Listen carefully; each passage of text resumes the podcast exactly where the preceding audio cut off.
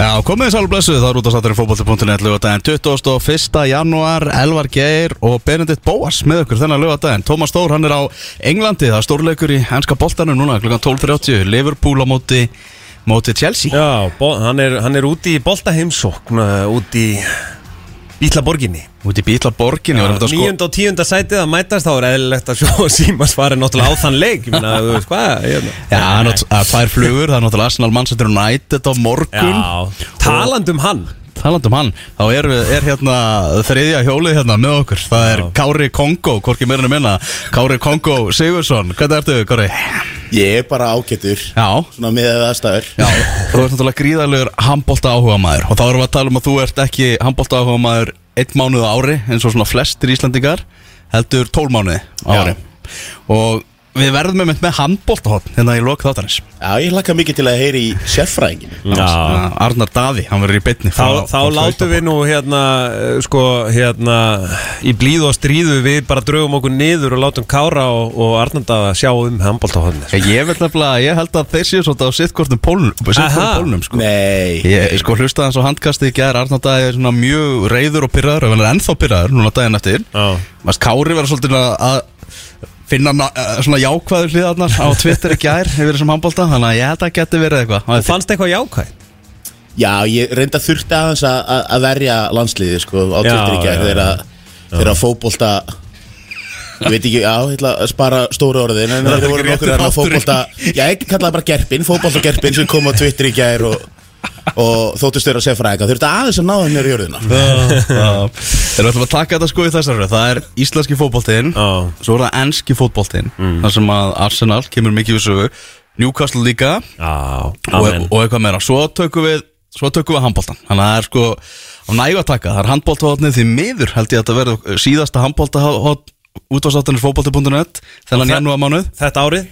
Já, Svo er bara EM í handbólta hérna í Þískalandi eftir ár, þá byrjum við aftur. Já, Gaupi segir að þá eigum við að fara, á- fara á pall sko. Já, Hefur Við aðeins förum á pallar Já, örstuðtum hann að Leopold Chelsea nú eru byrjunarlegin hérna á, á, á skjánum og þarna er svona ímislegt áhugavert. Darvin Núñez komin aftur í leikmannahópin og þarna er Stefan Bajicic uh, ungstyrnið, það er í byrjunarlegi Leopold, sá strákur uh, góti Gagbo hann á sínu stað hjá Chelsea, þá erum við að tala um það að Mikael Mudrik sem að kemur um þetta sögu í spjallu okkar hér á eftir.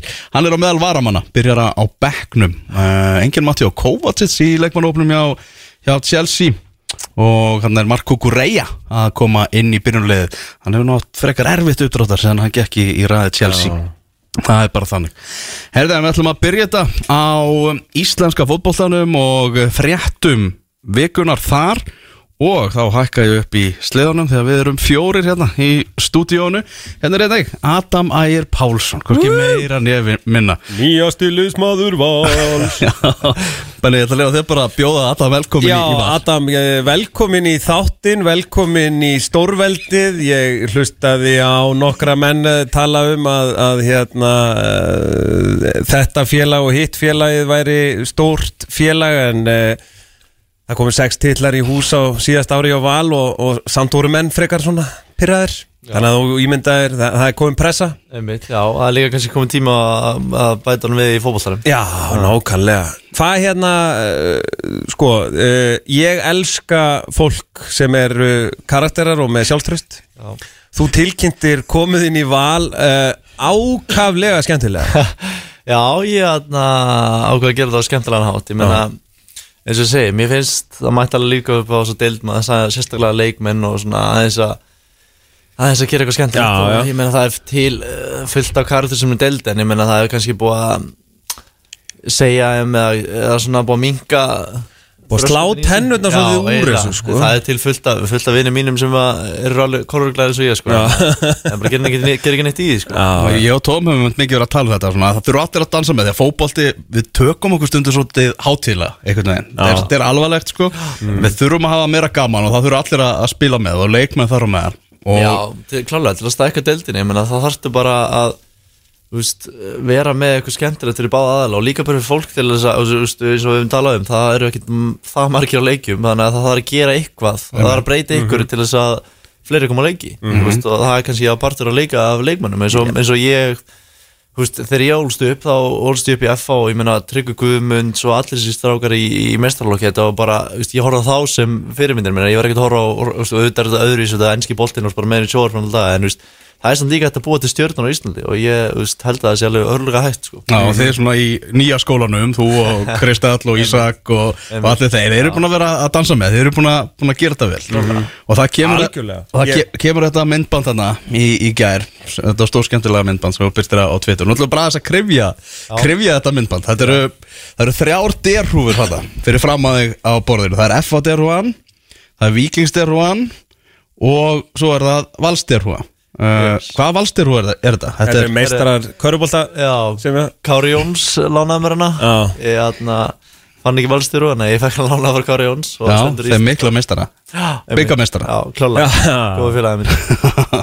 Hann er líka mývitningur sko. Hann, hann á ættir að reiki mjósett Hann, hérna, Hann er reyndar hafðfríkur sem ég en, en já. Nei, þú veist, skilur. Hann má deilu það Hann má deilu það. Já, þú ert náttúrulega í grunninn F-fóðingur Já, já, jú, jú Ég er alveg upp í hefnaður en ég hann flutti spánar í sjör og við raun og við ólst upp þar sko þannig að, þannig að já, en ég er samt F-fæðingur ég hef alltaf búið í hefnaður raunur mm. Þannig að hérna tværtir og F-fóðir og Víkingstir og þú áttir þær til Þú ert ekki að fá þær lána er kæðastu minn átti F-fátir og hún var líka F-fá til lengi þannig að já mm -hmm. En ég átti líka vikingstyrir hana frá, frá tímanum mínu þar Mhm. Þú tekur aðeins upp Víkingstir húnna Og hótar. Ég var ekki skemmt þá. Kári er náttúrulega vikingur sko, styrismæða vikings þetta er svolítið svona anstæði pólar sem er að mætast inn í Benna og, og, og Kára. Það er svona þema þáttarins. En jú, jú, hann er búin að uppa upp bandirinn á Íslandi. Núna hlakkaði til að sjá hann detta næsta sumar og Já, já. Túru bara- þetta verður gaman næsta Á sumar sama tíma fagna ég alltaf þegar hann mun leggja upp mark eða skora sko. Þú veist, þá verður þetta svona "Ah, Þetta er Það er bara partur af þessu ég ég hafi mjög gaman að þessu. Þetta er, þetta er, ég er alveg sammálaður. Það þarf aðeins að, að kryddita hérna á Íslandi. Já. Klálega, Þú endur með því að taka náttúrulega valstir húnu upp. Einmitt, já. Og þá er staðfærsvíðin eila mættur. Þú, þú hafið val og, og valdir val. Já, Frábær myndateksti hjá þér, Elvar. Ég verða nú að gefa þér rós fyrir það Myndatekstan við þetta, það var, það var já. frábær hann að ég Agnarsmári í handbóltanum í val settið undir hana einhverja myndin daginn og ég fekk hugmyndina þar, ég vissi ekki alveg hvað þetta skrifaði hann ég var svona, já, þetta er góð texti Já, já. Já. Aggi er náttúrulega einhver alskemmtilegasti Já, karakter. líka þar. til Og svo, svo topar þetta með því að fagna þessu með því að fá þér sopa á rauðvíni Já, Valsmennu rauðir, Já. rauðvín Er, er, var, er það það djúb pæling að vildur Nei, bara fá alls rauðvín? ekki sko, þetta var það nú var bara ekki- föstaður og bóndadagur og... Nei, þetta var nú eiginlega meira þannig bara Ég var búin að plana að gera þetta vídeo með félagum minnum og, og, og mér fannst vera alltaf steikt að gera ekki neitt eftir að taka dyruna Þannig ég svo sagði, "Bíddu, hvað get ég gert? Já, Og það var eiginlega, þetta var nú ekki, ekki flókin pæling sko Þetta var bara eitthvað að leika mér sko en þetta var rosalega, var þetta ekki Ég er, ég er ekki Nú er svo gaman að við erum með allir þrýr gríðalegi rauðvínsmenn. Já. Hvað, er rauðvín var þetta? Vá, ég veit það ekki. Félagum bömmur upp á gott rauðvin sem að er með fyrirtæki sem er að selja þetta Þannig að bara ég trist vonum fyrir þessu algjörða Þetta var svo gott glas nefnilega. Þegar það var það sem ég ætla að reyna, því. hérna, finna. Glasi virkaði mjög gott Já, Ísakóli félagum minn, hann er alveg með þetta á Já, handurinu sko. við skilja skemmtilegt En að maður förum aðeins yfir í, í svona þessa, þessa ákvörðun og þetta ferli Var þetta þannig að, að Já, bara vikingur tekur tilbúið bæði frá, frá Val og FH Og þú ferði viðra við bæði félag uh, Já, að ég veit ekki alveg hvernig, hvernig peningaliðin á þessu var En allavega hann að, já, ég heyrði að Víkingur og Valur eru búin að ná saman um, um kaupverð Þannig að það, þá mega þeir tala um mig Þannig að ég um, bara ákvað að fund með báðum liðum Og aðna Já, þetta bara gerist lítið hratt sko. Ég er veru ekki vissi, vissi ekki að vera að fara á mándi Svo bara á miðugudegi, fimmtudegi Þá bara var ég búin að taka fundi og ræði þetta við fjölskylduna mína og bara hugsa svo vel um og vel að vandla um þetta. Og þá bara var tekin ákvörðun sko. Og hvað, af hverju, af hverju Valur?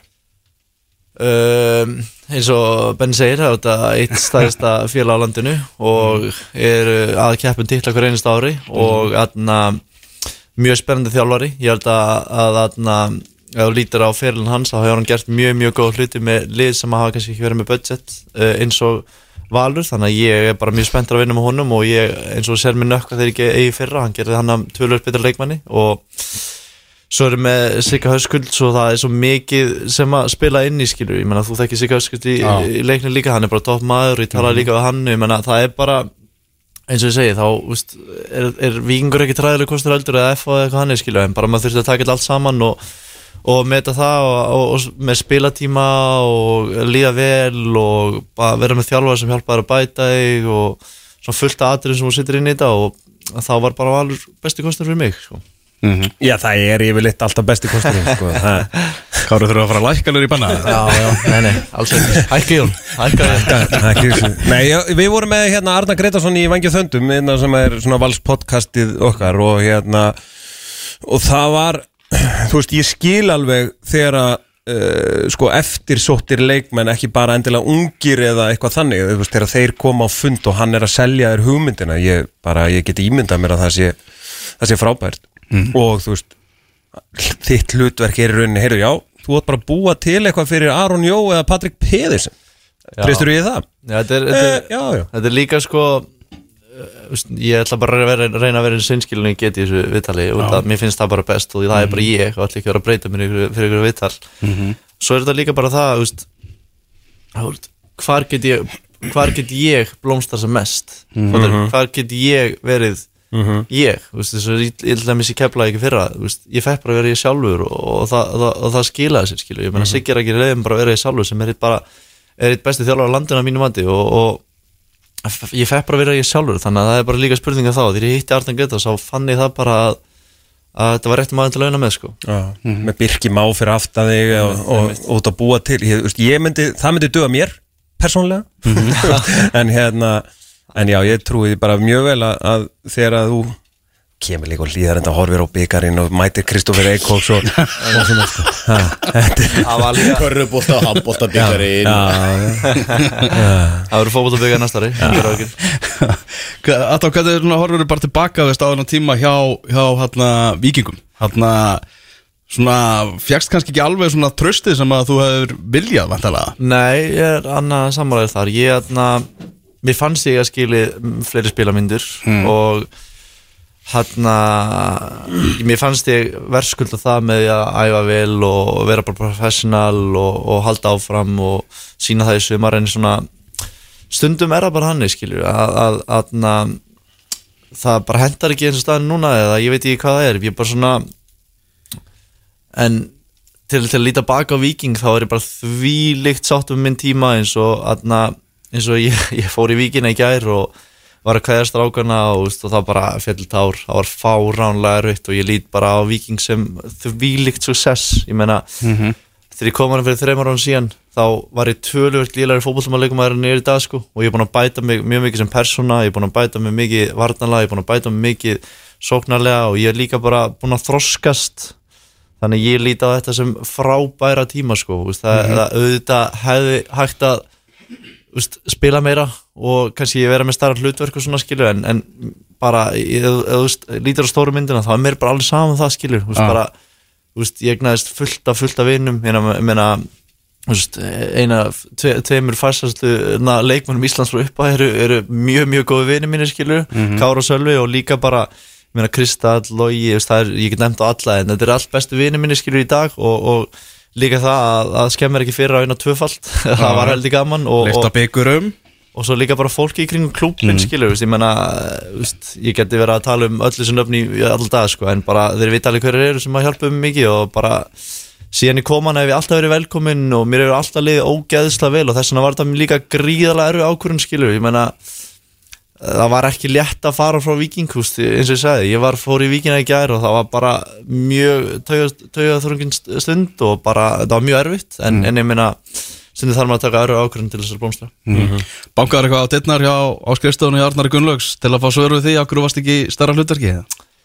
Uh, við, við höfum nú rætt átt saman sko og, og, aðna, og já, ég náttúrulega, maður veit ekkert hvað hva hlutur ekki að fengi í sumarskilu, ég var ekkert með það á reynu en, en í fyrra spurði hann oft sko. Og, og svo sannlega var, oftast, var hann oftast með réttu svörinni og sagði sér við til um sko hann er að ég bara tristi honum algjörlega fyrir að taka réttu ákvörðin ég meina, ef þú lítur svo bara ba- tilbaka á þetta veist, auðvitað kannski var ekkert í reysa hlutverki eða eitthvað svoleiðis en við vorum líka að vinna tvöfalt og við unnum hvernig einast hælis leik sko. hvað ætlar að breyta sigurlið það er eiginlega ekki hægt sko. Vist, ef, ég hefði verið í sigurliðinu alltaf Mhm. og, veist, og svo ofan það líka Kristall undan mig sem var bara helviti góð leikmaður sko. þannig að veist, ef þú ert með 11 manna lið sem er að vinna hvern einasta leik alltaf að fara að breyta því að Veist, Mhm. það var ég, hvað er, ég, ég mjög veist ég er nógu góð til að spila en svo er bara liðið að vinna hvern einasta leik, hvað ætlar að gera, það er ekkert að gera veist, en það var bara annað en að býða þólumóður og, og vonast eftir tækifærum skilur Mhm. þannig að ég hef auðvitað Millisson rætt þetta við hann og, og, og hann hefur gefið mig góður útskýningar og, og svona sko og, Þannig að þeir skiljið bara algjörlega sáttir. Já, og sjálfsög líka bara eins og, eins og ég sagði við hann í gær þegar ég talaði við hann just, bara, bara ég hef bætt mig svo fáránlega mikið undir þínu stjórn þannig að það er bara, bara ég get ekki verið þakklur fyrir hann sko. Þannig að tímabilið í, í Keflavík, við förum aðeins út í það og, og stóðsendinga byggarinn sem, þú fegst þarna hvað, er það marga stóðsendingan? Það er debatable, ég segi Já. 14, þú segir 13 líklega en ég bara, það er eitthvað starra á milli. 13 og hálf 13 og hálf. Já, þetta var svolítið svona einhvern veginn stóra málið. ITF var eitthvað að býða með það veit, veita byggarinn og Já, já, ekki stress, ég tók þetta. Þannig að ég held ég að enda þetta með 13 en, en Tiago enda með 12 en bara, já, segjum bara 13 Já, verðið þarna efstir í, í neðri hlutanum kjærleikingar, var þetta ekki bara býsna skemmtilegu tími, við náttúrulega ferða þarna tvisvar, þannig að þið hlýtur að líða vel hana Já, bara ég eiginlega get ekki ég er búin að losa um að viking núna í hálftíma en ég er búin að, ég get talað í fimm tíma um keflaðik, sko, þetta er bara mm. veist, þeir gáða mig sjens í raun og veru þegar enginn vildi gefa mig sjens, veist.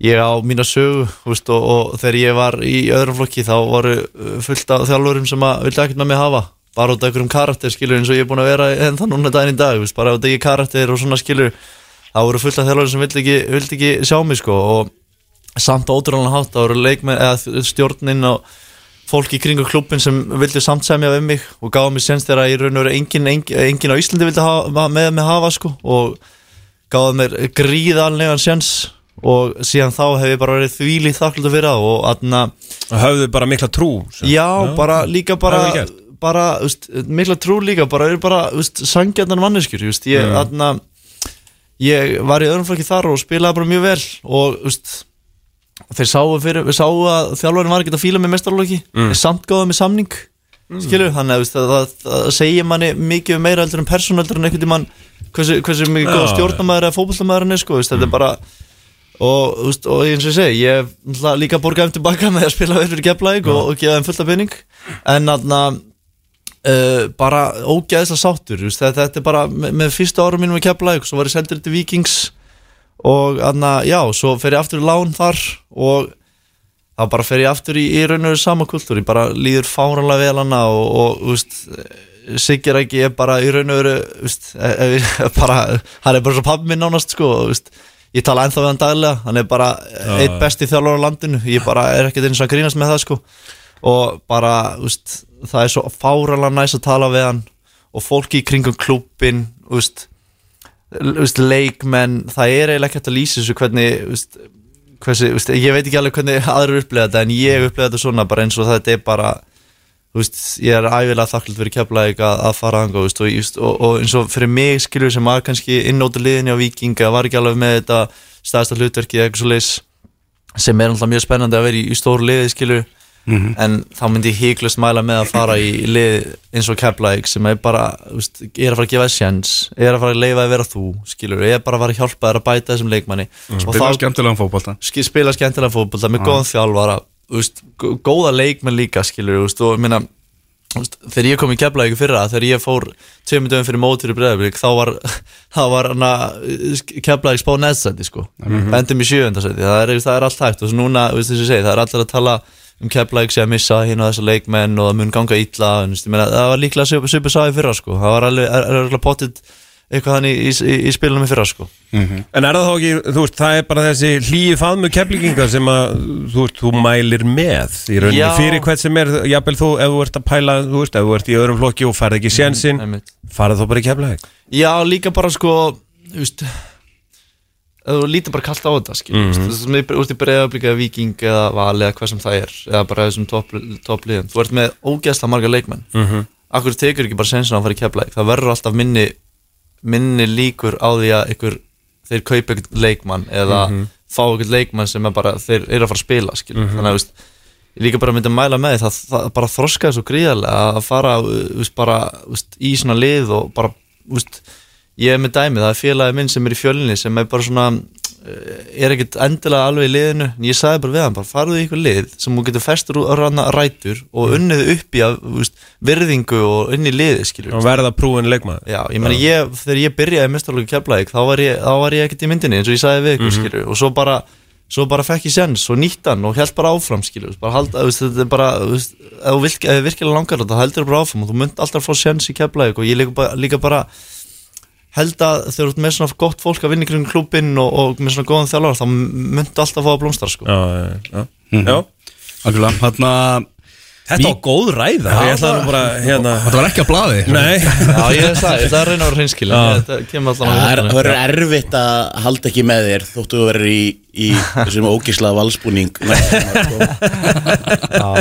Þeir eru búin að fá matta vila Þeir vikingar uh, Hvar þarf vikingur að að styrkja sig núna? Er eitthvað svona sérstök stað? Tómur er aðeins búin að tala um eitthvað Fá inn varnamann Já, ég held við þurfum alveg klárlega varnamann Ha? og úf, sko Ertu með skoðun á þessu? Þarna, Hvar þarf vikingur að nýju Þarftu nýju? Nýju, Já, með Nikola Hansen, Helga Guðjóns og Matta Vil Já, ég sko ég, þú veist, ég held að eh, með hvernig Nikola Hansen spilaði senast sumar þá einhvern veginn, hann var frábær í byggjumstöðleikunum ég er ekki að segja það sko. Og mér fannst bara meira hvernig þeir spilu þú veist á köntunum. Og verið að nýta að vera aldrei, aldrei að Matti Vil verði fremstur í, í Viking í Ég nýjun veit ekki alveg hvað hann, hvað hann sér hann fyrir sér sko. Nei, ég sá hann ekki fyrir mér í nýjunu sko en, Ég held að hann verði svona miðjunni og líka frammi. Ég held að, Já. Og svo má ekki gleyma því Níko var mikið myndir Það má ekki gleyma Nei, sko. Hann er fárana góður. En ég held að þið mætti allan ekki nýju Helgi Guðjóns er náttúrulega einn af mínum svona uppáhals Já, Hann er svona, hérna Ég er náttúrulega bara dæmið út frá því hvernig ég horfði á þetta senast sumar. Þá, nein, þú veist, þá fannst mér oft vanta bara en þú veist þess að það er Nikola var mikið meittur Það var líka bara margir aðri líka myndir sko Þannig að ég held að Já, Þessi kannski að þetta taka senast tímbil Þeir þurfa bara sjúkraþjálfara. Já, Ef við já, já, fyrir Þeir eru þar með besta sögðar á landinu og Rúnar er kongurinn í þessu sko. já, hann er ekki í landsliðinu í Jó, þessu. passar, hann er líka með Anna núna. Hann Já, hann er bæði með handbólt og fótbóltalanslið Já, hann er það góður sko. kongurinn Já, það er hann sem vel gert. Þannig að slúðursaga sem ég heyrði að, að Valur hefði áhuga á Lukas Lóa heimi sinni, leikmanni Fjölnis. 19, Já. 19 ára strákur sem að var flottur í, í virkilega flottur í lengjadöldinni í fyrra. Hvað stuð spila? Hann? Hann getur spilað á kantinum miður maður á kantinum. Já, þú fær samkefni var, ég get alveg lofaði því sko. Já, já, það er, það er bara af því góða sko. Þegar þú varst í stúkunni þegar að valsmenn unnu mína menn í leikni 3-0 Sást þú mig það? Hvað var þetta? Sást þú mig? Sá ég þig? Já. Nei, Nei, já Nei, en, en heyrðu það þér Já, Ég var með mína útsendara hana á, vellinum Heyrðu það því að þú og því fjölskylda væru bara saman komin hana sko Heyrðu hafna Hvernig var þessi leikur? Bara gott svar allavega hjá val eftir að tapað á móti fjölni Eitthvað sem við rættum um í, í síðasta þetta Klálega, ég, atna, ég sá að hann leikar reyndar ekki En, en atna, ég hef verið mikið með boltan En vant að skapa aðeins upp á færi En það var svo sannlega vant ekki þessum leik. Mér fannst bara First impression bara mjög gott sko. Mjög gott. Þarna á sama tíma eða, Já, held að það vera sama tíma. Allavega í vikunni þá var fylgir að tapa hvað 3-0 fyrir IR uh, Ásker Börgur náttúrulega komin í IR ah, Já, og 3-0 fór þetta. Rúnapall var sko í viðtali bara fyrrum daginn, hann sem að voru að spyrja út í hvort það fylgis mann ætlaði að styrkja sig og Rúna bara, við erum með fínan hóp ég er ánað með hann hóp og lalala svo fóru þeir á steinláu gegn annar deildalegi í er hann Já. kvöldir hvort það Við- hefur verið eitthvað svona smá reality check Við fyrir það spilum reynda við í erum daginn Já. í Viking og þeir voru mjög segir sko. Þeir, Já. hérna, þeir voru bara komið virkilega óvart sko. Já, þú konu með Átna Guðna og Jóhann Bitni þannig að við stjórn, stjórnvölin sko. Þeir alveg komið þannig að þeir ættu alveg að geta byggt eitthvað upp. Nákvæmlega. Er líklega til afreika í annari dildinni í, í sömar Hverfisliðið mitt í, í er Heyrðu það er hérna Káeringar Þeir voru að fá leikmann í ger Það er alltaf tíðandi Luke Ray frá Grótt Já, frá gróttu, já, já, já ah, er- skoraði hann eftir mörg mörg, mástu það? Nei, ég get nú bara fletti Var upp sko. einhverjum 17? Nei, það var, hvað var það? Hann var alltaf alveg svona baneitraður. Já, Fekk kannski ekki svona alveg aðtikluna sem hann átti skilið. Það var, voru kannski aðrir sem voru að taka það af honum í já, grótuleginu En hann var alveg virkilega, virkilega upplöður Svona smár og, og knár leikmaður. Já, ok. Sem að hann Já, og svona Já, gróta endar hérna í þriðja sæti. Náttúrulega Kjartan Kári tók Náttúrulega alla, alla umræðana Með þessi 17 mörg sín Og hann er bara farin erlendis. Luke Ray var með sjö mörg Sjömörk, já, Já. ok. Að Hann var líka með nokkur assist, ekki? Ég var alltaf að sjá hann leggja upp eitthvað Jú, þeir voru hann alveg Líka með texta líkising á fótbollinnet Já, hann var alveg, alveg stór hættulegur og það er eiginlega bara tíðandi að vorum að tala um það náttúrulega bara að káringar höfðu ekki fengið sér leikmann og verið styrra svolítið svona látið eða einhvern veginn yfir allir umræðu varðandi varðandi káir, benni. Já, það er nú búið að vera svolítið svona erfitt bara að tala um K.R.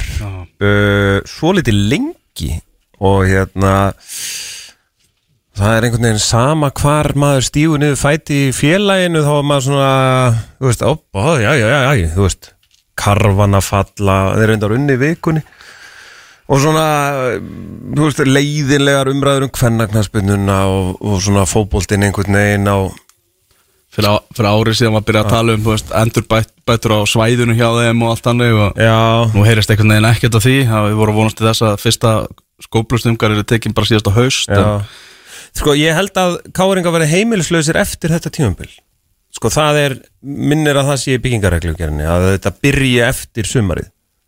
Já, við vorum vonast eftir síðasta Nei, sumar. var að, já. Þeir voru uppalega voru að vona, að, vonast að, eftir að því sko. þetta En það er alltaf tefst af Já, já, ok já, maður er alltaf ekki tekst af því meira sko. Nei, og ma svona, ég, maður er aðeins svona heyrta uh, þessi norski aðstóðþjálari sé að koma eitthvað sterkur inn. En ég held að En þeir ég, ég bara, þú veist Ég að veit ekki hvað káir er núna. Við vorum að leika okkur eitthvað skrifstofun að setja saman eitthvað líklegt byrjunuleg KR og þeir þurfa alltaf að styrkja sér verulega finnst mér eh, tilbaka í, í vartanleiknum Já, ég held að þetta sko, já Varnamaðurinn uh, geðþekki, ungi hérna sem að fór uh, til Nörgjum Finnur Tómas. Finnur Tómas.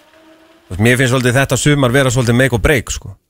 að hann lokaði bara hurðinni hana Ah, það var eitthvað mjög skrítið hljóð. Læti í bylgjustútið Nei, hérna Mér finnst hann svona, það, hann verður að einhvern veginn að sína mér og sanna að þú veist, heyrðu, það er eitthvað þarna, af því að hann var rosalega efnilegur þegar hann var 17-18 sko. en síðan fyrir hann bara í 18 með sko og Ég þekki Finn Tómas Já. En hann, hann má gl- hann má gleymist til þetta með umræðinni Hann, hann mittist mjög illa í öklum í sumar Og það Já. var ráanlega mikið Já, ok En ég held að, að í sumar mun hann vera tölur betri Já. Ég vona það Já, allavega. ég- Og af því þetta að- er skilabóð hann, hann þarf að ríða sig í gang Algjörlega, því að hérna, eh, það sem maður sá þegar hann kom inn fyrst, þú veist, maður var bara, heyrðu, þetta er Hafsend to watch og ég held að hann væri svona, þetta var svona einhvern veginn Jóngunni Fjólusson ferill, Já. maður sá það einhvern veginn í hillingum, sko.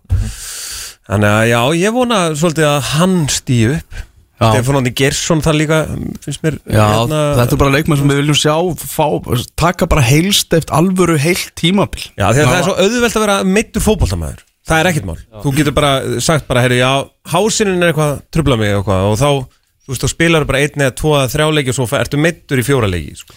Sen er slúður alltaf með það samt, þess að báða þessa leikmenn að þeir hafi kannski ekki 100% fókus, fókus á fótboltan sko. en þú veist, að slúður er alltaf viðvarandi í kringu það sko. þannig að maður spyr sér Já. sko, hvort það sé eitthvað til í því eða er bara verið að búa eitthvað til. Já, þegar maður horfir á það þegar maður er búin að heyra líka lengi um Stefán þarna, bara að, að, þú veist, sá hann og hann var spennandi en einhvern veginn hefur ekki Nei, staðið undir ég, man bara þegar hann var hjá leikni og Elvar byrjaði allt hérna uh, tala svo mikið um Stefán átna og maður var svona, hm, Það er svakalegir hæfileikar hann svo fóru bauðst mér hann upp á þakka einu sinni þarna á leiknisvellinum og það var bara unnun að horfa á hann þá, sko. Já, já ég vona, vona innilega að þeir, þeir tveir ná að hafna káar þá svo sannlega á því að halda að þeir eigi heilst eftir tímabil. Mm. Fleiri skipti, Guy Smith, hann er komin til Vestmanni, til IPVaf Já, og uh, þeir valsmenn, þeir eru ekkert rættir, þeir bara hann, hann má spila á móti val alveg, alveg svo öðrum liðum sko. Já, já, það er bara Andi sér að Freiriks svífur yfir og, og þú veist, menn Fór verið hann- fór hann láni. Hérna Íbjá Fanta, er þetta ekki bara fullkomin skipti í rauninni að Íbjá Fanta er markmann og, og hérna Jú, Gaui Karra ekki með á tímabilinu Já, og- og- í aðgerð. Gí er náttúrulega bara, þú veist, er ógeðslega óheppin er fáránlega óheppin hann einhvern veginn þú veist, að sjálfsögðu er einhvers konar samkeppni einhver staðar og þú veist, svo ertu bara með markmann sem meiðist það þarf bara að leysa það og þú veist svo bara er hann alltaf meittur og, og hérna allt í hennu er Valur komin bara með betri markmann. Og þú veist hvað ætlar að gera þá? Þú veist þetta er svo erfið stað einhvern veginn. Þannig að ég held að þetta sé bara mjög farsælt og, og gott. Og Gí Smith búin að vera að æfa með Jadon Sancho í, já, já, í vetur. Reyna að koma að trekja hann í gang. Já, hefur endur ekki gengið alveg nægilega vel Jadon Sancho ætla að byrja að æfa með Manchester United liðinu aftur. Það er allavega Þá getur hann að fara að skota á tölvöld líðlega markminn Rasmus Kristjansen Þetta var, ég fatt að þetta skot ekki strax. Ég var svona, mm, og bara, já. Ok, Rasmus, Ok. Rasmus Kristjansen í Mosesbæðin Þetta er kvalreki fyrir Magnús Má Einarsson og Maggi Ból Já. Uh, Rasmus gríðalegur aðdáðandi Mosesbæðar og eins og mikill Lagsnes maður Já, ok. Les Lagsnes og mikill KFC maður held ég líka og, En byrju, hann býr á hlýðrandag Það er hann að hjóla allavega í Mosó eða? Hann er alveg líklega til þess Já, reyndar Já. Það er bara fílingur fengur svona Maggi búin að vera náttúrulega undan fyrir ár með mjög svona ungt lið þannig er þetta með bara leiðtoga og Geggjaðan karakter sko. Já, hann er rosalega likeable sko. Já. Það er- Og hann er það líka bara í alvörinu sko Ég þekki hann ekkit það mikið En alltaf er ég talað við hann Alltaf gefa hann svo alltaf tímundar að spjalla Og bara svona kynna sig aðeins Og hann er bara frábær, frábær gæði sko. Hann kemur sko 40 mínútum fyrir svona handbolta og körfubolta leiki þá kemur hann 40 mínútum fyrir leiki nýri val og af því að það þarf alltaf svo mikið að spjalla sko. Hann gefur sér alltaf tíma sko. Hann er geggjaður sko. Já, heldur betur flott uh, Annað svona í fréttum vikuna er það náttúrulega Siggi Bond fyrir Aganemt uh, Nei, nei, nei, nei, nei Aganemt KSI hefur Kai Havertz að skora? Ég skal segja ykkur það, ég veist ekki svona að leikunum verið byrjaðir Já, þetta, var- þetta, var svo er- gaman hjá Það er bara Þrjár mínútur búnar. Það þriðu mínútu leiksins Það var Chelsea að komast yfir hér á móti Liverpool og það er Kai Havertz sem að skoraði þetta mark Við erum eins og þess að horfa á enska boltan er alveg að tala um það. Er bara, ma maður heyrir þetta minna sig breytti um tón. Fór í hanska bolta elvarinn. Við þurfum við, það er hotspilna sem að Það er Herðu, James Milner situr eftir maður. Úss, Þetta er Já, Er ekki rákstæðana? nei, nei, hann, hann glemir sér Já, Liverpool 0, Chelsea 1 Hver klúður þessu döðafæra? Það var Tiago Silva er það ekki sem að á þetta Assist, þetta er ekki assist í? Er þetta 14.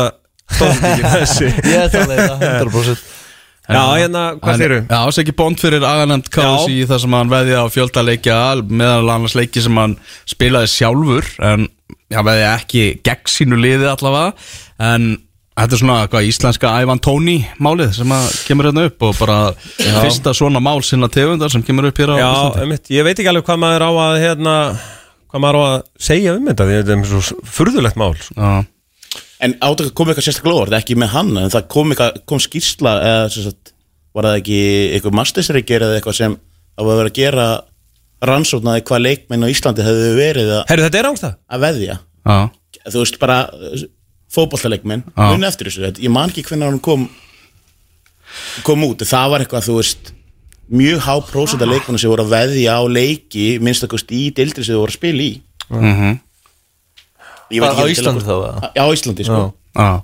Það er sem ég erfitt, ég þekki Sigga Bond ágætlega, annar hafnaður Ég er þess að bara svo erfitt að tjá sumbunda Það er ekki búið að dæma neitt í þessu Það er alveg rétt sko. Það er, er svo erfitt að taka þessu afstöð í þessu. Þetta, hann svo hann sagði í Dótt fútból að hann viðkynni mistöki sín En, það, já, já, það, þetta eru mistök, það er klálega og hann veit að hann er að gera rámt þannig að veit að hann er að gera eitthvað sem er bannað En það er bara svo erfitt að, að, að einmitt, vera að tjá þessu ummynda áður en að búið að dæma í þessu sko. og eins og segi, það er ekki anna, búið að vera annað svona dæmi á Íslandi áður þannig að þetta er mjög erfitt en Maður veit ekki alveg hvað, sko, einmitt, maður veit ekki hvað maður getur sagt eða má segja eða á að segja Nei, ég held að það sé miklu fleiri leikmenn sem Já, sé ég- að gera þetta sko. Ég, er að- ég held að stóra máli sé það að, að hérna, nú það sé maður að alveg, ljóst að Kúlbett búi yfir upplýsingum sem geti bara stráfelt ma marga leikmenn sko Já, já. Það er líka búið að vera þannig alltaf var alltaf þannig í smá tíma en á Íslandi þeir sem voru höfðu það svona aðtunni á Íslandi að veðja á íþrættaleiki voru að kaupa inn á gæsa,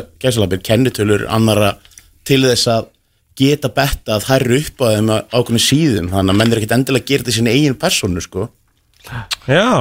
Veitu hvað, hvernig, nú veit Bara ég raun og kaupir bara og- kennitöluna mína Já, þú veist, kaupa aðgangin Þú veist, ég hefði til þess geta verið Þú veist, nota aðgangi þinn Bara Mm. keift hann í Þú veist þú mikið með þetta, ert þú búin að gera þetta? Já, Þú veist, Ég er ekki, eins og sér það ekki Hattunum í fótbolta sko. Nei, nei, þú veist að ég- Hefur engin annar heyrt þetta heldur ég Jú, ég- er ekki nóg grimmur í þessu sko þetta er búið að það að gangi í að- lengi sko. Já, já, ég, al, ég veit alveg hvað þú tala um sko En, en, en vil ég segja Það er bara best að fyrir mig að snæst ekki á þessu.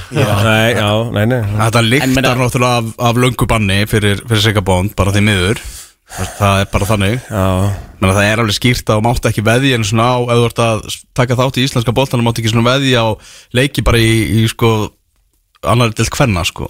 Já, já, Þú veist bara, mátt bara ekki veðja á íslenska boltan sko. Já. Já, þá er þetta Ævan. Tóni er ek- ek- ekki ennþá komin í bann sko í ennsku úrvastildinni og samt er búið að finna, þú veist, búið að grafa upp í því ekki hvað sem örg veðmál, hvað var þetta, komið upp á þriðja hundra Já, 250 og eitthvað. Já, Siggi sagði hann að í Dóttur fútból að hann var að búast til niðurstöðu bara núna í komandi viku. Ég held að vera eitthvað lengri byð með að allavega byðina eftir hvernig Ævan Tóni málið er búið að vera. Já, ég er að segja það sko. Já, Já, heyrðu, markið var dæmt af Svo hlustendur séu algjörlega með það á hreinu. Það var dæmt rángstaða mm. Liverpool 0, Chelsea 0 Og það er eh, Það er hérna Kai Havertz var eitthvað fyrir innan þegar að skoti var tekið þannig já þegar að Setni, boltin sem var það Já, heyrðu, kórdrengir verðast uh, vera að fara að breytast í, í varalið FH uh, Virðist vera, maður heyri svo að séu svo sannlega að skipta skoðanur á sig í kaplakrika og þetta sé viðkvæmt mál að þegar að fréttir bárust af þessu að það séu bara margir FH-engar sem séu mótfallnir þessu þannig að aðrir telja að þetta muni nýtast félaginu vel og það sönnum þessa að þetta er viðkvæmt mál að ég held að Já, Davíð Þór Viðarsson sé samtals með örgulega svona 50 mist call frá fótbolta.net og, og skilabóð núna í, í vikunni og, og við höfum ekki ennþá heyrt í honum sko. Já, já, já, já, ok. Þannig að ég held að það sé ákveð, ákveð vísbending í, í því dæmi. Já, Það er já, tíma til að svara mér Já, já, alveg gefið þér allan tíma sem þú þart sko. Það gerði það En er ekki, hérna, það er eitthvað svona uh, þegar að ef að kórdringi verða að einhvers konar vensla félagi FH þá breytast lánsreglurnar þeim í hag, er það ekki? Hvað er það? Er ég, nú ég spyr, sko Nei, ég held að sé engar sérstakar ok. reglur um það Það, já, ok hvers er þá verið að gera þetta? Já, Já, ok, ég held þetta væri þannig- þeir, eru að fara að henda ungum leikmennum hana, Það er hugmyndin mm. Og þeir eru að fara að lána unga leikmenn hana, í, í kórdrengi Og hætta þá að lána leikmenn í íhá eða? Ég myndi giska það að þeir eru þá bara kórdrengir íhá. Bara, þú veist Það er þetta meikar, það, þannig sé meikar það á sens fyrir FH sko. Já. Að Fá leikmenn í fyrstildina bara til að þróa það sko. Mega það, me, Þeir mega það vantar ekki spila með FH og Krondrengi vantarlega Þeir þurfa að gera félagskipti og svo leis Já, það er náttúrulega mjög skrítið Þeir þurfa að þetta. fara eftir almennum reglum Já. Þannig að þeir getur kannski byrja hjá F og síðan verið lánaðir í kórdrengi Það og... þarf að vera þá í glugganum Já. Þetta er ekki svona körubolta er þeir ekki, ekki sem eru að tala með þessu á F og segja, þú veist, kannski föllu við bara úr lengjudeldinni En þá eru við alltaf með varalið sem verður í annari deild á næsta ári. En við erum ekki búin að heyra hvernig ég held að séu bara ennþá samræður eða þú veist viðræður í gangi, kórdrengi skiluðu inn þáttöku tilkynningu og ég held að það hefur bara verið til að vinna sér einn tíma til að geta haldið áfram að ræða þetta. Mm.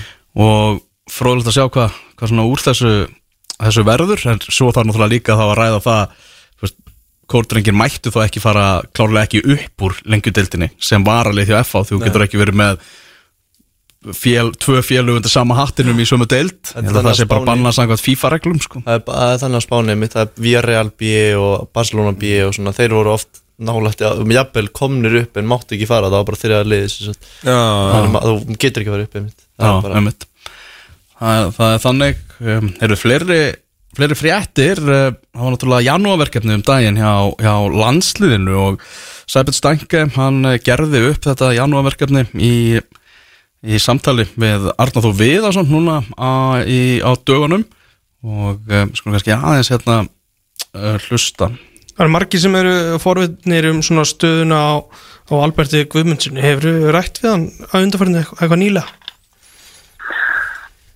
Nei, ekkert uh, núna uh, nýlega. Staðan er bara eins og ég hef alltaf sagt og að það, hérna, maður þarf að hafa hugan við uh, landsliðið, íslenska landslið og hafa rétt hugafar og fyrir mér er það alltaf liðshugarfar og, og hérna og aftur, eins og ég hef sagt marg oft áður, þá er hurðin alltaf opinu mér þegar menn eru tilbúinu til þess að koma tilbaka og, og, og, vera á, þeim fórsendum sem að lífið þarf á að halda. Það er bara óskup umfalt en ja, það er staðan eins og hún er akkur núna og, er ekkert, hefur ekkert breyst frá því í rauninni í september.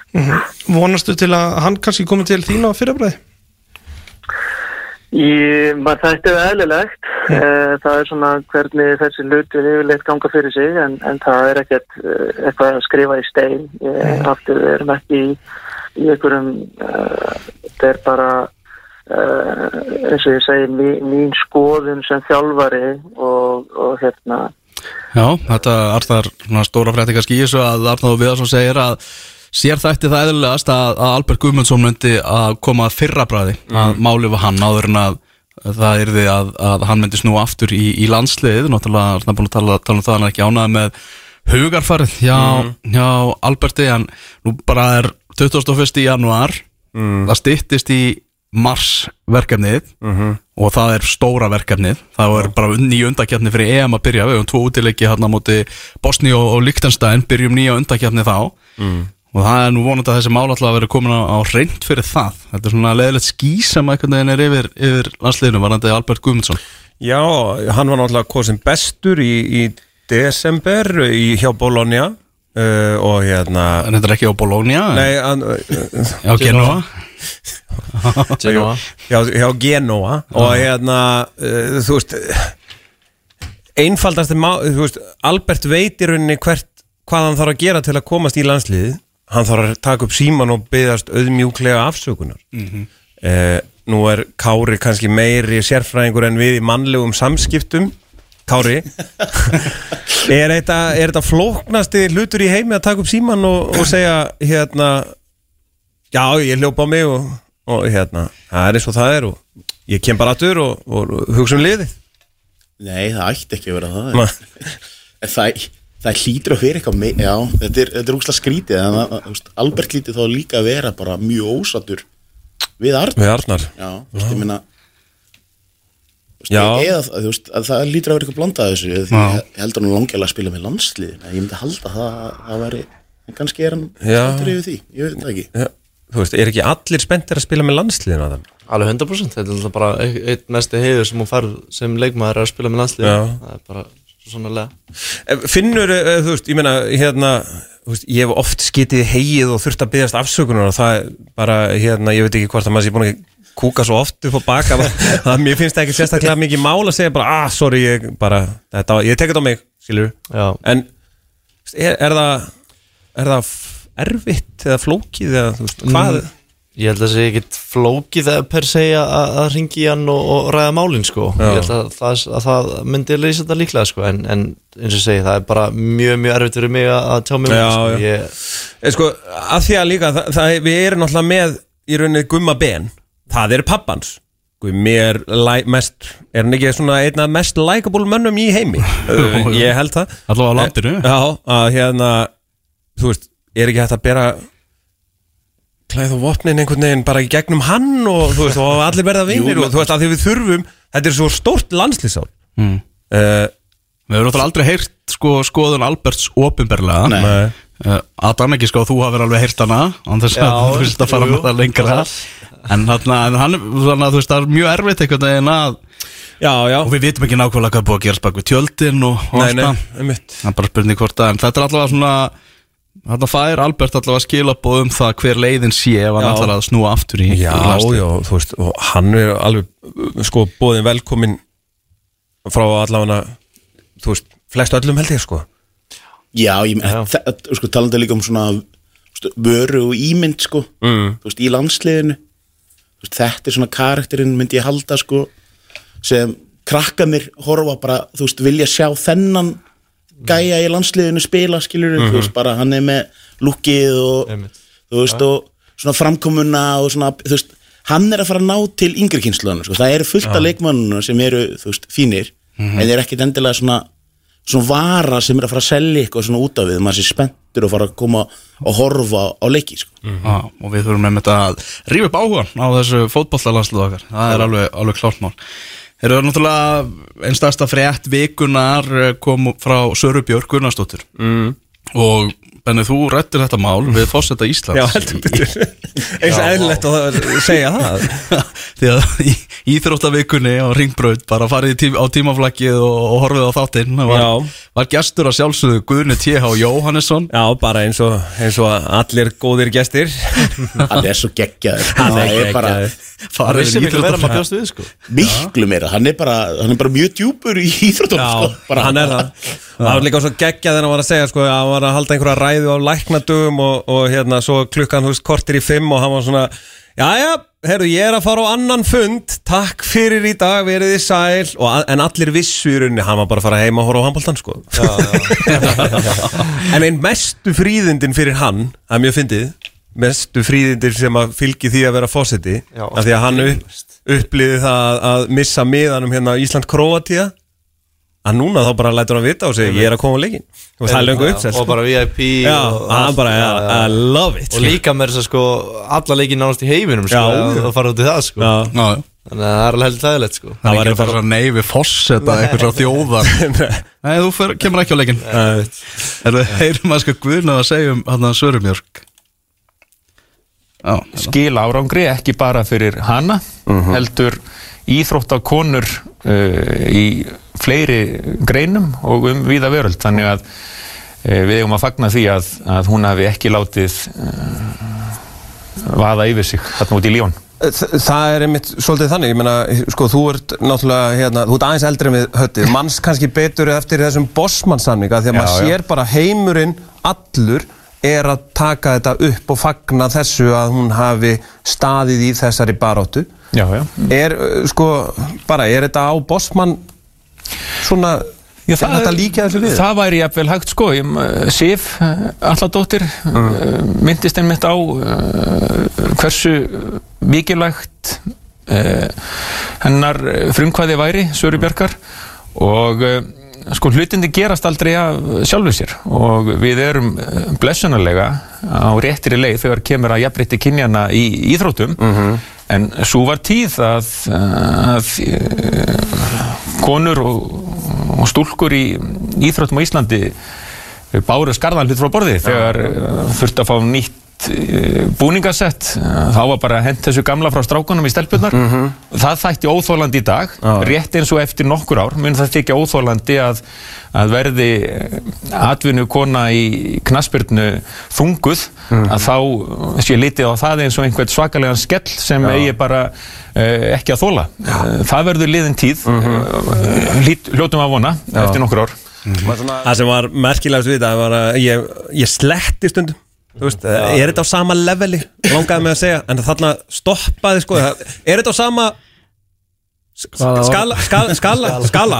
þú veist einhvern veginn, af því að hérna, þú ert bara að tala við fossetan, sko, Já, þú mátt ekki já, vera bara eitthvað what up guðinni, sko, þú veist, þú getur ekki gert það, sko, þú voru aðeins að við vorum svolítið formlegir, sko. Já. Kristóð Reykjastól hröndar í spaðana sko. Já, já, hann er satt svo aldíli sjálfur já, sko. hann er geggjaður, sko. Það var náttúrulega í sumar á hann Evropa móti Kvenna þá var ég í fansóninu hérna í Manchester fyrir, fyrir leik sko. Og það var uh, einhver fréttamaður frá BBC sem var svona að fjalla um eitthvað áhugan á íslenska liðinu og, og allt það og svo hérna kom hann upp að mér og sagði bara, "Heyrðu, ég var að heyra það fossetin var að fara að koma eitthvað mm. bara, já, það, hann kemur, kemur bótið hérna hann bara, held, heldur, að, heldur að ég geti fengið að tala við hann, heldur að ég séns á því? Og ég bara, já, já.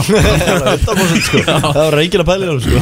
Allir hérna sem vilja tala við fossetan þeir bara tala við fossetan Það var einmitt mjög fyndið að hérna, ég fór, uh, sem sagt, í Hafnantorkið á, hérna, er við, við upp á fjóruðahæð og ég fer og sækja nýr í bílakjallaran og hérna, svo kemur bara fórseta bílinn og leggur að og það er svona fólk þú veist, það eru læknadagur og það er mikið uh, svona í, í bílakjallaranum þannig að hérna, þú veist, fólk horfða á eitthvað svona og hann náttúrulega segir, góðan daginn hér, góðan daginn, góðan daginn.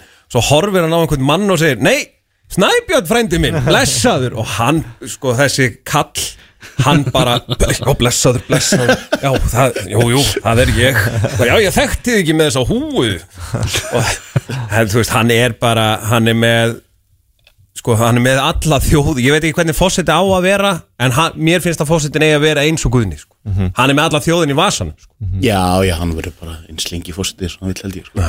En með það sögurum á Já, sko, var Þetta er náttúrulega bara Þú veist Þetta er, þú veist, í raun og veru geggjað sko, Þú veist, það, það verður ennþá tala um hana eftir 30 ár Já, mér finnst þetta bara svo fáran bara- nett af henni að, Já. hendi í að þess að þóra sig bara, skilur Þetta er svo og lýsir henni bara einhvern veginn, bara hjól í þetta, skilur Ég er ekkert vissum að margar stelpur myndi gera það eins og hún Mhm. hefur sagt að, að hún mun líklega þóla fyrir það en ég menna hún er bara svo nett að gera þetta líka, skilur bara með við henni, sko. Hún er bara ráðast hérna á stórveldi í, í frönskum fótbolta. Menna, Þeir eru bara fáiðar eða bara skilið. Já, já, þetta eru erfiði dagar núna fyrir Líón Sérstaklega því að yfirlýsingi þeirra var eitthvað svo aum. Þú veist, mér varst það bara hræðilegt En það sem að sko gátum ekki gert meira fyrir hann út af regg þetta var eitthvað svona Þetta var rosa franskt. sko að, Þetta var svolítið franst Já, það áttum við bara að segja, skilur bara, heyrðu, þetta á bara að vera núna vitunda vakning og bara vonandi mun allir læra af þessu, sko. En heldur þetta verði einhvern veginn sko, eins, eins og ég sé þetta allavega þá verður þetta einhvern veginn svona the so Sara law. Já, skilur þetta, þú veist, bara er svo segir það, þú veist, hún verður eftir 30 ár, það, við erum ennþá að tala um Bosman samningin, já, já. að ég held þetta verði einhvern veginn þannig, sko hún er bara að brjóta hún er að brjóta þakki sko. Já, hún er að brjóta þakki sem margar vandalega aðrar góðnur í knæsmunaheimin hafa hugsað sko. Bara vonandi, og það er örgulega einhverju sem hafa tekið slægin bara en en það hefur ekki bara ekki komist upp á yfirborðið sko. En hún er bara það stór En ég, í heiminum, miklu stærri heldur en ég heldur við áttum okkur líka bara á sko, Já, þú veist- inn á Íslandi sko. ég, ég var að, að því að við myndskreitum uh, sem sagt þáttinn, við myndskreitum hann úr svona fréttum bara, bara fréttablaði fótbolti.net, MBL og eitthvað svo var ég að myndskreita sko Sörubjörg og það, ég tók bara, þú veist bara international news og það er, þú veist, það er bara Sky CNN, uh, BBC þú veist, þetta er bara þetta er bara út um allt, sko Og líka bara all, allstaðar ábyrrandi, sko. Já. Með svona efstu frétta á öllum þessu síðum, sko. ég held að rap, hérna, Megan Rapinoe er ekkert að tjá sig um eitthvað svona eitthvað bara, þú veist hún, það, það Var var að það? Já, það var hún- stórt þegar hún tók undir það mér varst það svona, ú, ok nú er hakkavélinn alvöru að fara af staði í Líón, sko. Bara vonandi gerir þetta jafn góð hluti og þetta á, á að gera en ég menna eins og sérstaklega þú segir með þessu yfirlýsingu Líón maður bara rættur um að þeir minni það bara reyna að fylgta enn betur eða eitthvað svolítið en vonandi gerir þetta bara það mikið að, að þeir bara geti ekki gert aftur. Já, það er kannski svona dimma hliðin á þessu sem þú segir, það getur komið eitthvað svona skrýtni samningar eða verið að reyna að bjóða upp á skrýtna samninga í framtíðinni, það vonandi bara stendur fólki lappina Já, já, þá er það bara kæft niður, sko. Já. kemur ekki óvart allan með þetta fólk eins og í Líón vonandi bara, vonandi bara þeir, þeir, þeir að borga fyrir þessu aflegging eða bara vera með aflegginga fyrir þessu sko, og bara missa starfið það, ég veit ekki hvað, hvað það að vera sko. 23 árum mínútur búinar á Anfield, Liverpool 0, Chelsea 0 Við ætlum um þetta að fara að ræða ennska boltan hérna rétt og eftir og fara í handboltan En ef við ekki að taka við smá, Jó, smá kaffipása. Já, út af státturinn fótbolti.net, ég er á X977 Við erum hérna fjórir í stúdíónu Elvar Geir Berndeit, Bóas, Kári, Kongo og Adam Páls.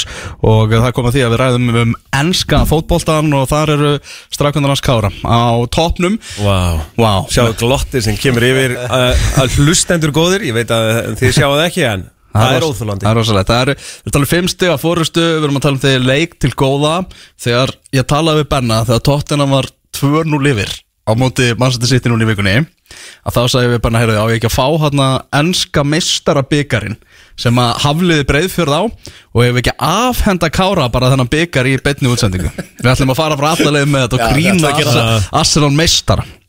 En svo einhvern veginn Fylltist Pep Guardiola af eldmóði og liði líka með og þessi svakalega endur komið og sitt í þannig vikunni og síðan viðtalið við Pep Guardiola eftirleik. Þar sem hann sagði bara að leikmenn sínir skildu gjöra svo vel og fara að drulla sér upp í toppsæti deildarinnar. Gaggrindi stöðningsmönna sagði að það heyrist ekki í þeim í 45 mínútur ekki fyrir að þeir byrjuði að baula á liði hérna í, háleik Pep Guardiola, það, það er búið að kveikja í honum og ef ég var í aðstofnstyrjusmaður þá hefði ég áhygg bara eftir að hafa horta á þetta viðtal og viðbröðin hjá honum á, á, í, á fimmtudaginn? Já, já, ég hef bara miklar ákveð Þú veist að því þú veist, þú veist, ef þetta verður ekki elstiti þeirra til þess að fara að geta eitthvað aftur sko, Aha. þá, veit ég ekki hvað sko. Ég, bara miklar ákveð sko. Þetta var rosalegt viðtal. Þetta var rosalegt ef viðtal þú hugsaður þetta bara einfalt þá eiga Arsenal með fullurvilingu, það eru bara mjög vel. En þeir eiga ekki það mikið inni en City eiga töluvert inni að, að manni finnst, skilur mm City er ekki að performa upp á sitt besta núna. Og það mun koma að því að það mun skipta miklu, virkilega miklu máli, skilur það, ekki, það mun ekki það miklu að við sjáum bara með City og atna, Liverpool í lokin þegar hvað fyrir tveimur ára síðan eitthvað þegar sitt í dátt á harkalega raun skilur, það mun, það mun gerast sko.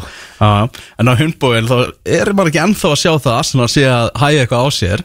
Þetta er búið að tikka alveg ótrúlega vel og þetta virðist vera bara rosalega liðsheild og einhvern veginn allir að dansa í takt. Það er búið mikið búið að tala um breyttina. Það er náttúrulega svona vinsalasta umræðefnið mm. sitið með miklu meiri breytt og, og það er svona þarf Arsenal að passa sig en það, nú er Arsenal eitthvað að reyna að gera Já, ég meina, þú veist, við erum Sko, það er náttúrulega Svo ég tala bara sem mjög veikur Arsenal maður.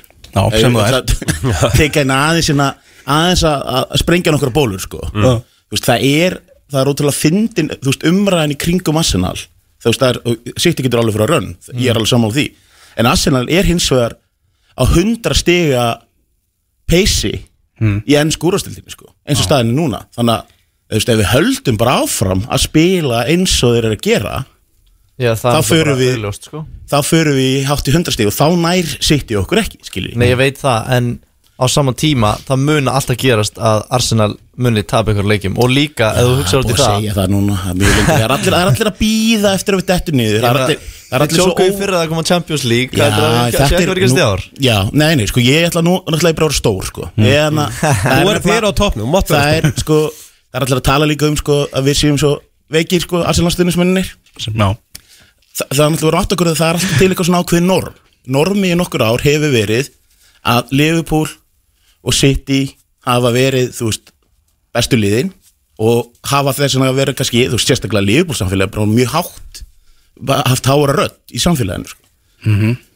Núna er allt í einu Arsenal komið aftur og auðvitað er það pirrandi fyrir önnu lið að fylgjast með Arsenal-stundismununum á þessu peysi en það er ekkert ekkert veikar en aðri horfið bara United menn á Twitter sko, það er bara, ef Antoni tekur eina ein skæri sko, það er bara trillist allt Það sko. Alltaf ykkur líðasti kantmann í dag En sko, og sér, ætla að taka eitt yfirbútt Kasi mér og frábær sko. En það er aldrei talað um er, svo mikið vombrið sko, ennska pressa var byrjuð að kynda upp í að hafa bara Thomas Partey versus Casemiro á morgun. Já, Það ætti- ég hef viljað það. átti bara að vera miðju einvið svo náttúrulega fæðir Casemiro þetta gula spjald í þessum leikarna á, á móti Kristal Palace sem 1-1 jafnteflisleik og bara verður ekki með í leiknum og bara allt sem var búið að byggja upp það bara þurft að henda hérna uppbytuninni ennska pressan fyrir hennar leik. Já. En kæmi þér að óa Eða kæmi ykkur óvart Það er erfitt að að spyrja þig þessu spurningu sko, En kæmi þið ykkur óvart að ef, ef Arsenal myndi tapa á múndi Brentford? Þú veist, myndi það koma eitthvað svona fáránlega mikið óvart eins og að City myndi tapa á múndi Brentford sko, í dag, já, Í dag, já, út af því að sko, það sem að ég hérna uh, mér finnst leiðilegt við Arsenal er að þeir eru uh, þeir spiluðu við mína menni Newcastle. Og þá mötsuðu þeir pínu svona Já, að vera dörti já.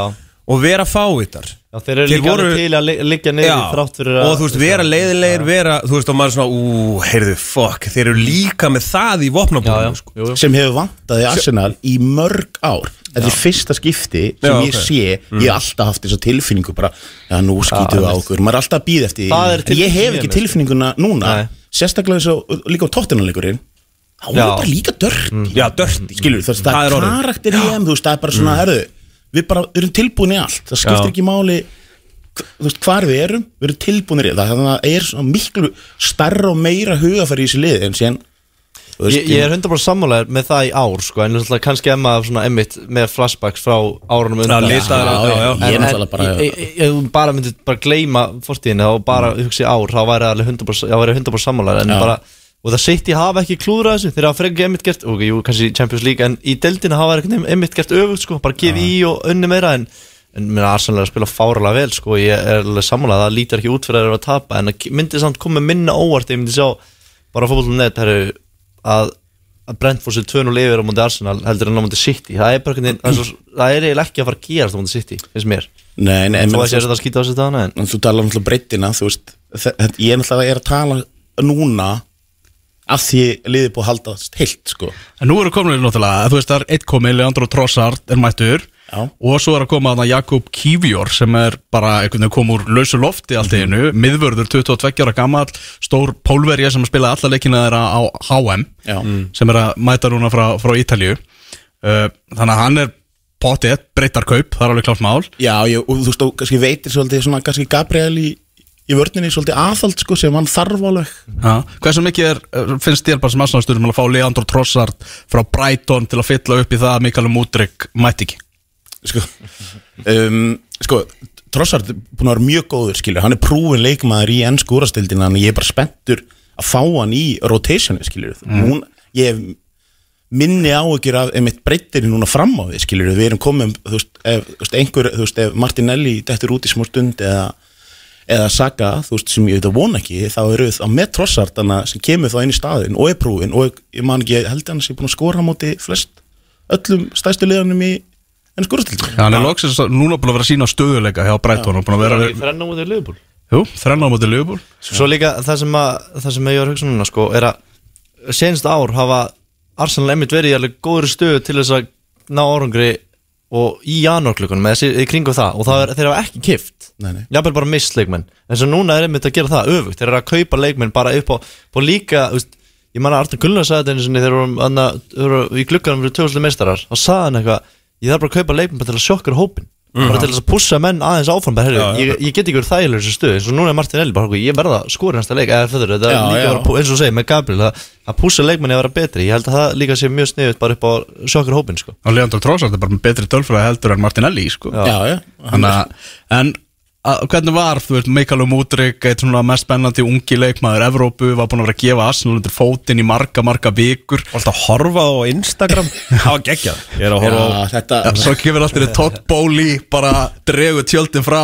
Þessi gaur er minn og hann er í blári trey í þetta var alveg bara vel þungt högg í maðan sko. Ég, þú veist ég var mjög, ég ætla ekki að ljúa því ég var mjög spenntur að fá henn að gæja Arsenal. Það er, en síðan bara þú veist sem að horfir á samningi sem að fekk á Chelsea þá ætla hann að er þetta galið. Hvað var 120.000? sjö og hálft ár. 120 spundu viku Nei, eða? var ekki 200 spund á viku?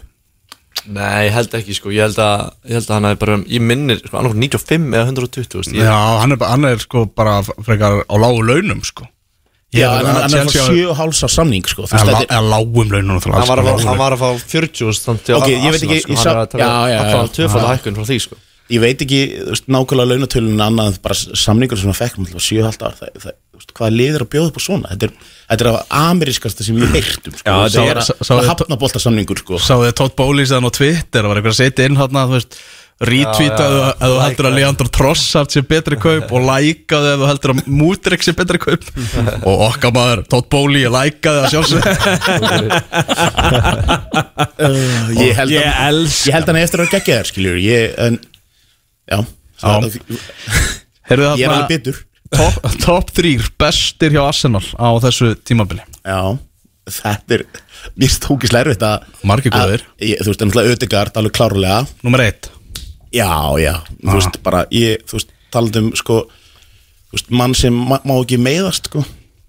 Veist, það er enginn að fara að koma inn á í staðin fyrir hann í þetta lið, sko. Mm. Sem er að fara að replacea hlutverkið hans. Það held enginn líka að Eddie Nketiah myndi replacea hlutverki á Gabriel Jesus sko. Já, þetta er, hver ætti, sko, ég, já, já, hann er reynda búin að tróða smá sokk í mig, get ég, sko, ég við ekki það alveg, en, sko, en Ödegard, uh, Partey og, þú veist, mér langar eða bara, að, þú veist, Saka eða Sjaka, Já, þú veist, það er svona, þú veist, þetta eru svona, já. Sinchenko er búin að vera frábær núna, hann er búin að vera smá mittur, sko, þú veist, svona, er að koma aftur, gegg, búin að vera geggjaður þegar hann er að spila, sko.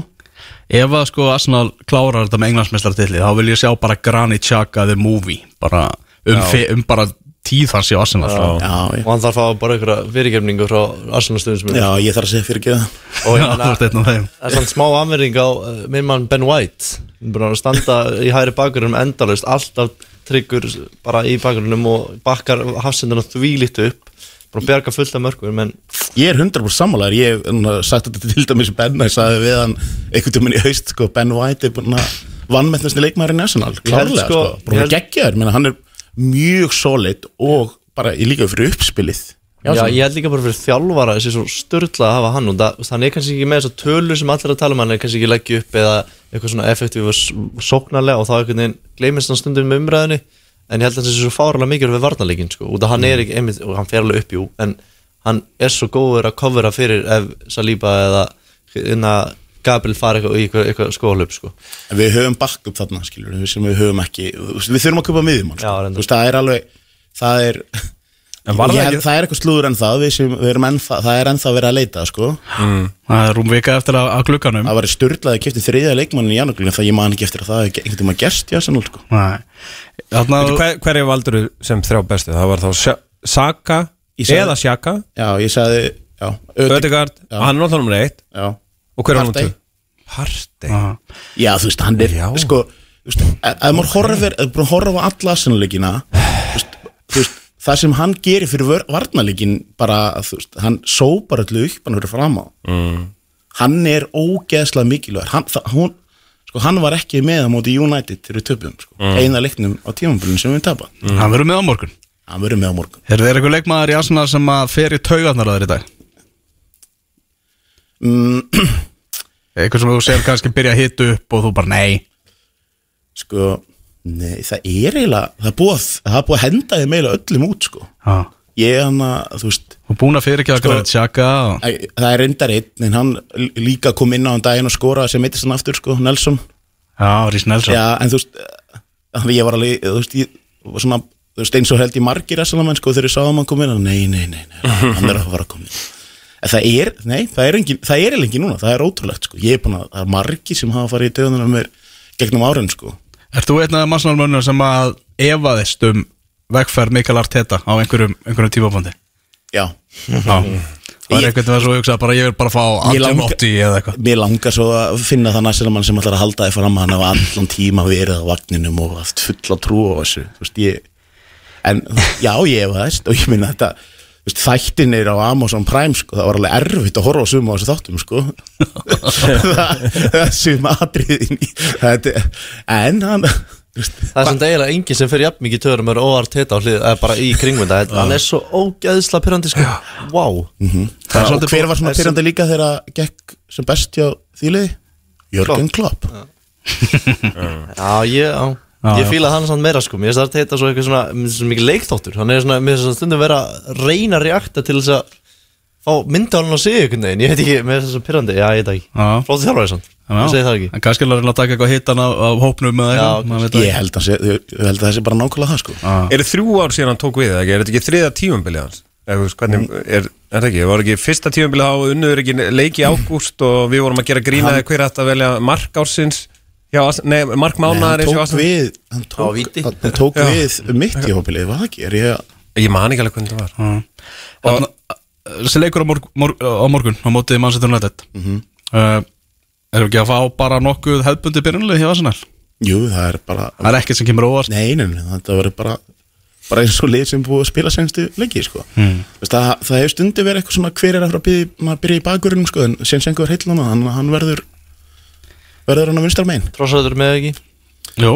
Dróstur er á bekknum og þú veist, hann er ekkert að fara að hoppa inn. Það er, Nei, nei, en hann fær kannski sinn fyrsta, fyrsta leik. Ef þú fengir að velja eitt leikmann úr Manchester United liðinu bara í Arsenal hópin Glukkin er opinn og Arsenal, og, og Gle- Glazer fjölskyldan ætlar að, að selja eitt kall. Já, hvernig er þið að velja? Já, Sko, ég var að ræða þetta við nokkra veika mannsæstir stuðnismenn? Og það voru tveir af þeir sem hefði get- getað valið einn leikmann úr Arsenal í sitt liða þegar það er að rúlla svo vel. Sem er alveg mjög fyndið. Það eru margir blindir um þessa myndir en hann að, þú veist, ég meina ég, ég held af öllum þessum sem ég myndi velja hann inn, þú veist það er margir að spila vel hjá Jónandi núna, þá held ég myndi velja Casemiro sko. Já, ég vissi um þetta varst líka að tala á hann með vantið og fínn fínn upp á breytina. Gott að fá hann í backup. Fá rassó til að setja hann á bekkin Já. Er ég ætla að fá ykkur bara þrý ekki þetta Verður Arsenal englandsmeistari uppanni? Nei. Adam er búin að svara? Nei. Ég ætla að segja já. Ég bara, ég fylltist einhverju trú yfir hérna eftir að ég horfði á Newcastle leikin og síðan Tottenham leikin og þeir eru með þetta dirty vibes yfir sér og uh, ná allavegna, þú veist, þeir ná einu eða þremur stigum á móti sitt í og þá er munurinn orðin og mikill. Og Lester getur ekki unnið lesti, það getur ekki tvö lesti Það er búið að heila þóði líka. Ég, Það er eitthvað annar punktu sem ég ætlaði að fara að taka sko. Það er þessi leik þáttur með lestir náttúrulega bara alveg eitt svo allra fyndast í sko. Já, Fyrir utan það, það er líka að vera að tala um eitthvað en hinlíðinur svo léli í dildinni Arsenal er á 100 stiga peysi. Lesti var það ekki sko. Alveg bara Bara svona til að senda því. Ég veit, ég veit. Það er, svo auðvelt að mjög æsa mig þegar kemur að þessu En ég Ég- Sko ég er Arsenal maður, ég er búinn að vera sko, stöðum, vombriðum og árásum í gegnum árin sko, og, og býða, býða alltaf eftir hruninu og taugaáfellinu en ég held að sko, ég verða eiginlega að segja já núna, já, við verðum meistarar. Það er bara svo leys. Sko, oft þegar við hittum sett ég og Elvar og hittum Kára og, uh, á, á Ölveri og horfum á leik þá, þá er stundum verið að kýta staðins í Kára. Og Kári svarar alltaf með því að rödd Arsenal hafi, hún heyrist ekkit í fjölmjölum og, svo, og ég fór að skoða þetta þetta er rétt hjá honum. Af því það eru allir fjölmjölamenn Manchester eða Liverpool menn. Það er bara valla til Arsenal menn Albert Inga núna Já, ég bara Já, þú veist, bara ég- Albert er svona Þakka Albert líka bara fyrir sitt starf bara fyrir að halda uppi, þú veist, bara það er alltaf stöðar ára sér Mm. á okkur Arsenal menn sem við alltaf bara að verjast. Mistu náttúrulega svona eitthvað rödd í Daniel Morris þegar hann kefti IPVaf á, á sinni tíma sko. Já, það var reyndar það var gott ef það myndi heyrist það sjónum hann er mjög veikur. Hann er gríðarlega veikur. Er það fyrst þú með Benna Newcastle mann enda líka? Það var sett ég saman svona smá spurningar Partí á Newcastle. Þeir Ah, eru mögulega að fara í meistaratelt Evrópu. Hugsaðu þér. Hugsaðir Þannig að top 3 bestir í Newcastle á tímabilinu. Uh, það er Sven Botman. Já, það er þvíli kaup. Þvílikaup, það er Bruno Gimarez Já, sem hefur verið meittur Svo, svo hérna Svo langar mig sko að setja uh, Hérna Kieran Trippier sko. Er eiginlega minn maður í þessu. En mér langar að set, skipta honum út fyrir Dan Little Burn Já, Ha, ekki Nick Pope?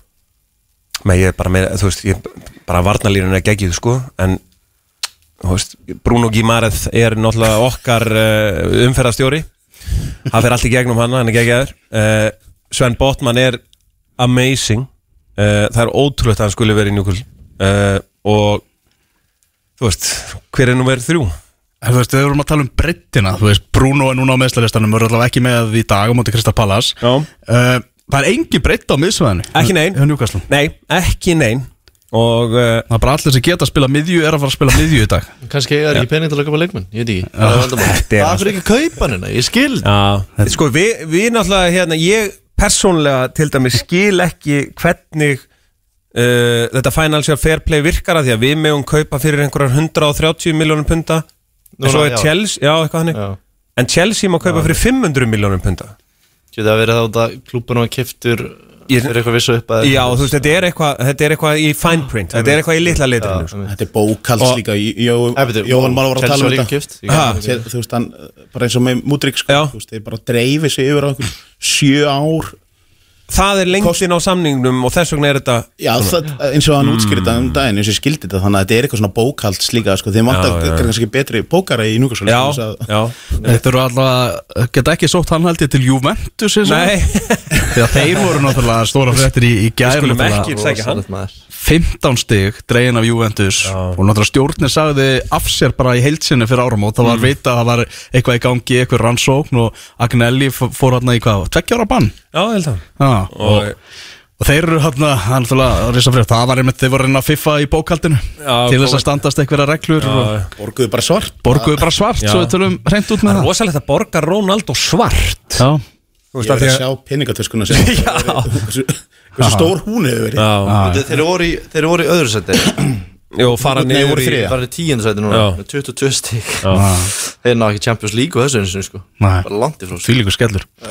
Óskar leikmaður Benni sem vilt fá í Newcastle búningin uh, Ilkay Gundogan.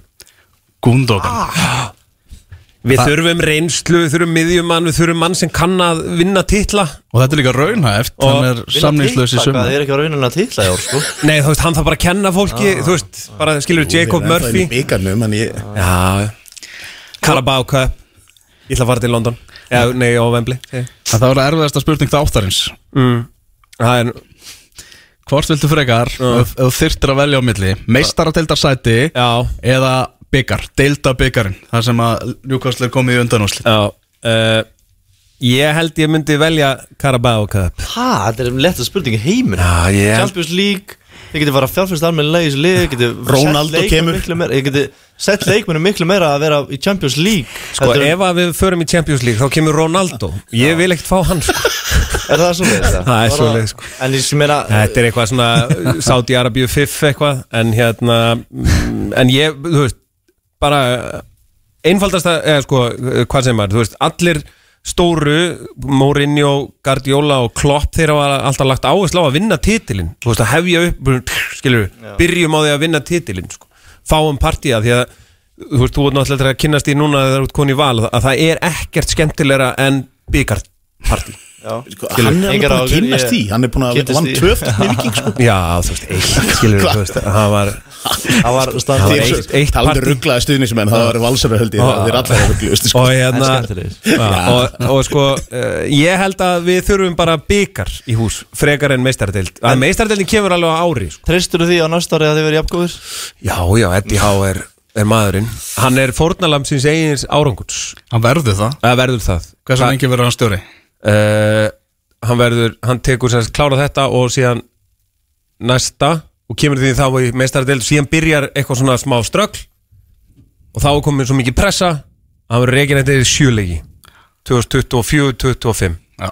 Þú veist, rátt fyrir að sátarnir hafi keift þetta lið þá verður bara á aðdáðan og verk hvernig Eddie Howe er búin að gera þetta og, Já, og við, erum ennþá að setja fucking Jacob fucking Murphy inn á sko. Og þau, ég veit að þú veist, þið haldið með Arsenal og, og United og allt þannig. Þið, þið segið eitthvað, já, þú veist Eddie Nketiah er ógeðslega lélugur og eitthvað svona. Prófiði að halda með liði sem að setja Jacob Murphy inn á. Þú ert bara, what the hell sko. En þannig að, þú veist, eins og hann gera þetta tekur það viliðinu þegar það er í fallbaróttu fær Chris Wood í sóknina sem er bara svona góður einmitt í þetta þetta hark í fallbaróttunni svo núna er þau komin í annað dæmi þá er bara Chris Wood farin Já, fara farin til Nottingham Forest. Hann gerir líka fáralega vel með Bormóð Skilur, eða pæli í því líka Þannig að hann er bara virkilega góð stjóri það sem já hann er finnst. geggjaður sko. Næsti landslistjóður Englands held ég. Aha, Já, ég held að Hann var að gera því þetta Já, ég held að hann var alveg virkilega, virkilega flottur, í, flottur í því sko. Já.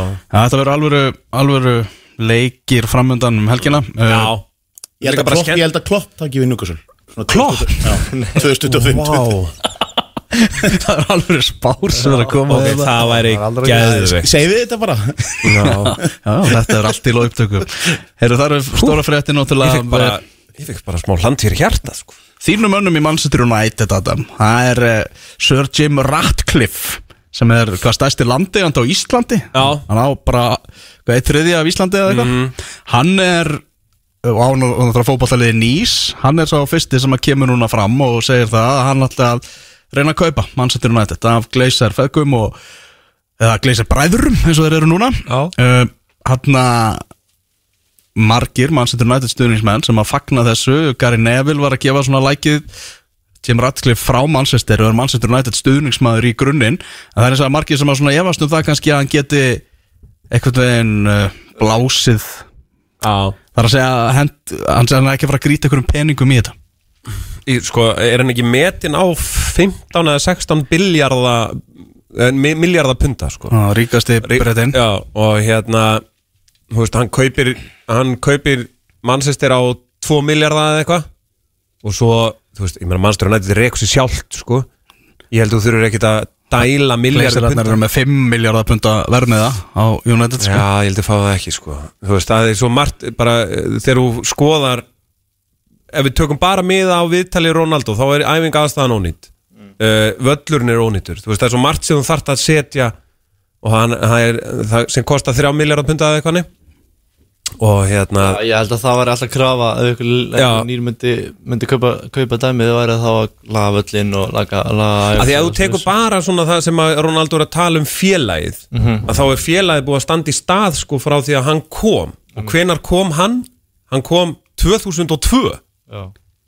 Það er rosalega langt síðan Sko breyting- telja, það eru 20 ár. Já, breytingin eru náttúrulega, þú veist, með Gleisirarnir eru bara að hlaða skuldum á, á félagi þá er Jim Ratcliffe er skilur hjartan slær með Manchester United Já, og hann er að fara að gera alltaf það sem að hendar félaginu hvað best. Mm. en uh, hann, náttúrulega eins og segja, hann á nýs og þegar hann uh, kefti nýst þá sagði hann það fyrir eftir manna fundi bara, heyrðu, við ætlum í samkjöfnu við PSG bara nú ætla ég að bara gera það að verkum að við getum keft við PSG um titilin og það hefur farið svolítið í öfu átt. Þeir hafa freka verið að fjarlæðast þetta og eru bara einhvern veginn um miðjadild hann kefti samt, samt greiðarlega mikið skilju, það Já. er kannski verið ekki hans er að. Mhm. kaupa leikmennina þannig að, en þeir, já, eins og segi, þeir keftu hann er búin að reyna. Já, einmitt, þeir keftu fullt af leikmennu sko. já, já. en það hefur ekki, hefur ekki alveg, alveg gengið. Já, skæði sem er að kaupa leikmennina kannski það er aðeins um þegar hann það er aðeins hugsa það tvisvar. mjög góða punktur mjög góða punktur. Já, skák og mát eru börlega í góðum málum í Champions-dildinni endur komið sigur hjá þeim í gær þeir á leiðinu upp Já. Berg og félagar Já, uh, Og Bara- gaman að fá bara aftur Íslanding í úrstældir sko. já. Hann er að fara samlislust, það er ekkit staðfist Já, hann hann er- er alltaf saman Já, hann- Með að hvernig, þú veist allavega með að við þú veist, bara, þú veist, á Twitter og samfélagsmiðlunum þá er hann myndefnið fyrir börnleik sko. hann var að skora, líka- skora hérna mark mánaðarins hann er Vincent Kompany búin að vera hlaðan lofi sko. Og hann er líka hérna uh, sko, hann er búin að vera hann í sjö ár og nú er hann orðin bara svona ákveðin stopnunan inni. Var kannski ekki endilega þú veist, fyrsti maður á blað hjá Sean Dice en sko, þessi ástarjáttning Vincent Kompany í vikunni um hann segir mig bara, veist, hann vil hafa hann í í ennsku úrstildinni Já, var hann samt ekki líka alveg bara, þú veist, einn af fyrsta mönnum að blaða þegar hann- svona jú. dags, það var bara meðsli sem Já, kom einhvern veginn auk fyrir já, þetta er líka svona þannig sé fyrsta ári sem hann er bara alveg heill, bara nánast Já, ég held náttúrulega, sko, Vincent Kompany sé af nýja skólanum og sé svona, já, ertu tæpur í náranum, heyrðu, þá kannski bara æfur þig hér og, og bara slakar á og ferði í jóka og gerir þetta og svo, þú veist, þú ert að vera klár. Á meðan að Sean Dice, hann var bara, ertu tæpur í náranum? Hlöftu tíu kilometra Já, Herra, Guðni spjallaði eitthvað aðeins við um Jóa Berg hefur ekki að segja það? Rórum á heimavilli og unnu Tottenham og það var gaman að sjá uh, hvað Jóhann Berg er í miklum metum þar núti, ekki Já. bara sem leikmaður heldur bara sem hluti af, af góðri liðseld Hann er líka stór hluti af þessu félagi, er það ekki? Ég meina, hann er, hann er, núna er hann andlitið einhvern veginn svona sem er notað í kynningur komið á völlin og eitthvað, það var stór mynd á honum. Já, hann er búin að vera núna hann í sjö ár, hann er að framlengja þá duguleika vonandi Já. Og ég menna, það, þú þarft að vera nokkuð góðu persónleiki og góðu karakter til að endast jafn lengi í, í sama félaginu því að eins og við höfum nú séð heim í fótbolta þá flakka menn oft við það en Já. hann hefur svona verið að bara festa sér í sessi að ná líðu vel held ég Já. Uh, hvernig var á, hvernig var á vellinum? Turf Moor? Það var, ekki góður völlur? Jú, flottur völlur, ekki með þeim stærstu en virkilega uh, skemmtilegt andrúnsloft Já. Uh, Sko ég bjó á Englandi í samtals 8 ár á sínu tíma og fór nokkru sinnum á, á eins gaman að vera að fara sko á Old Trafford og, og, og aðra velli sko stórliðana, svo nefndu þá er líka mikil stemning í því að, að, að fara á, Já. fara á hérna völlin og ég fór með vinnum mínum sko til dæmis bara í sko það sem þá var þriðja og fjórðadelda og Hereford og Peterborough og, og, og Wrexham í Wales og, og, og þá, þá er stemningin eh, öðruvísi. Og, eh, og þarna eh, í Burnley á törfmúrið mitt þá, þá eh, sko það var svo rafmagnað andrunarslofti þegar ef ég mann rétt sko þá komið þeir tilbaka og höfðu sigur eða runnu sko og, og hérna síðustu mínútundar voru alveg Já, hann er mikill íþrótta unnandi hann að Guðni T. hafa skellti sér hérna á, á Turf Moor. Já, þetta var náttúrulega, sko, að því ég spurði hann náttúrulega, hérna, hvernig var þetta, þú veist, hefur þú samband við Jóa og, og eitthvað þannig, þú veist, skilur, hver, ég bara, ég er fórsetin, ég ætla, mér langar að sjá minn mann, sko, og hvað gerist? Og hann sagði bara, þú veist, að það bara samband við félagið og, og félagið bara, heyrðu, ha, er fórsetin að koma? Já, ok, hérna, við sækjum þið bara og hérna, þú farið hérna, þú veist, hvað ertu? Þú veist, á hvaða Hilton hóteli ertu eða eitthvað þú veist, og hann var bara á einhverju gistiheimili hann hann var bara í fríi og bara sultu slagur og svo kom hann bara með fjölskylduna og þú veist stoppaði við hvert sem er sem að vildi taka mynd og þú veist, og allt þetta veist. með buffið og Jú, Já, ég er svo, Jóa Már sagði ekkert um hann í Dótt fútból fyrir löngu Þannig að það er svo fyndið að oft sendir á svo klúpa að þeir bara trýta þið fárlega vel bara að að prófa að senda e-mail og prófa að fá sér sett Það er eitthvað að fá eitthvað hospitality eða ég veit ekki hvað það er og bara, þá eru þau bara mjög oft viðtakalega og sérstaklega þegar fórsetin er enda sko. Já, ég bara og Þetta fór ekki í gegnum Jóa Svo veist, Jói bara einhvern veginn svona Já, blessaður. Já, blessaður þú veist, bara Fossetin minn og hann eitthvað áfram börlei Það er geggja Já, já Er það þarna svona síðasta fréttin sem við snertum á uh, danski fjölmiðlinn Extra blaði fjallaði um það uh, á fimmtudaginn að RB Salzburg hafi búið nálat 100 miljónir danskra króna í íslenska landsleismannin Hákon Arnar Haraldsson hjá FC Kaupmannahöfn. Þetta er heldur betur Þetta er stórt. Heldur betur stórt, þetta er alveg tilbúð þetta Já.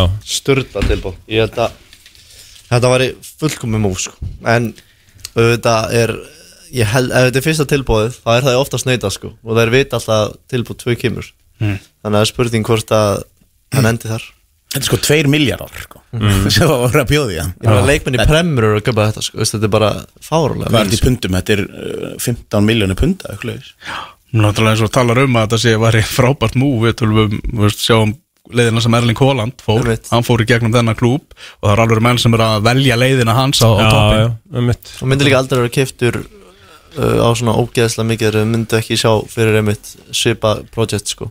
Mhm. það er, þeir kaupa líklega leikmenn en ekki á 13,5 miljónir Já, nema þeir viti og eru með einhver plön. Já, svo, svo líka, ef þú hugsa út í það, þá var hann ekkert eitthvað með eitthvað rugglar tölur í FCK, sko, þannig að hann er greinlega vel skátaður og með vel gott plan fyrir aðskilu, hann er ekkert eitthvað, greiðlega markaskorur, fattur Mér finnst bara að þegar að svona þessi ég, þessi er eða, þú veist Red Bull verkefni Mm. þegar þau kaupa leikmenn þá er maður svona ú þeir eru þetta er, já, þetta er, þetta er eitthvað gott. Og að því að þeir eru Og svona sellers klub Þetta er hann að City Group og, og já, Salzburg, Já. Já. Red Bull dæmið, það er bara virkilega vel reikið og það er bara að rannsaka það hvað þeir eru að gera vel.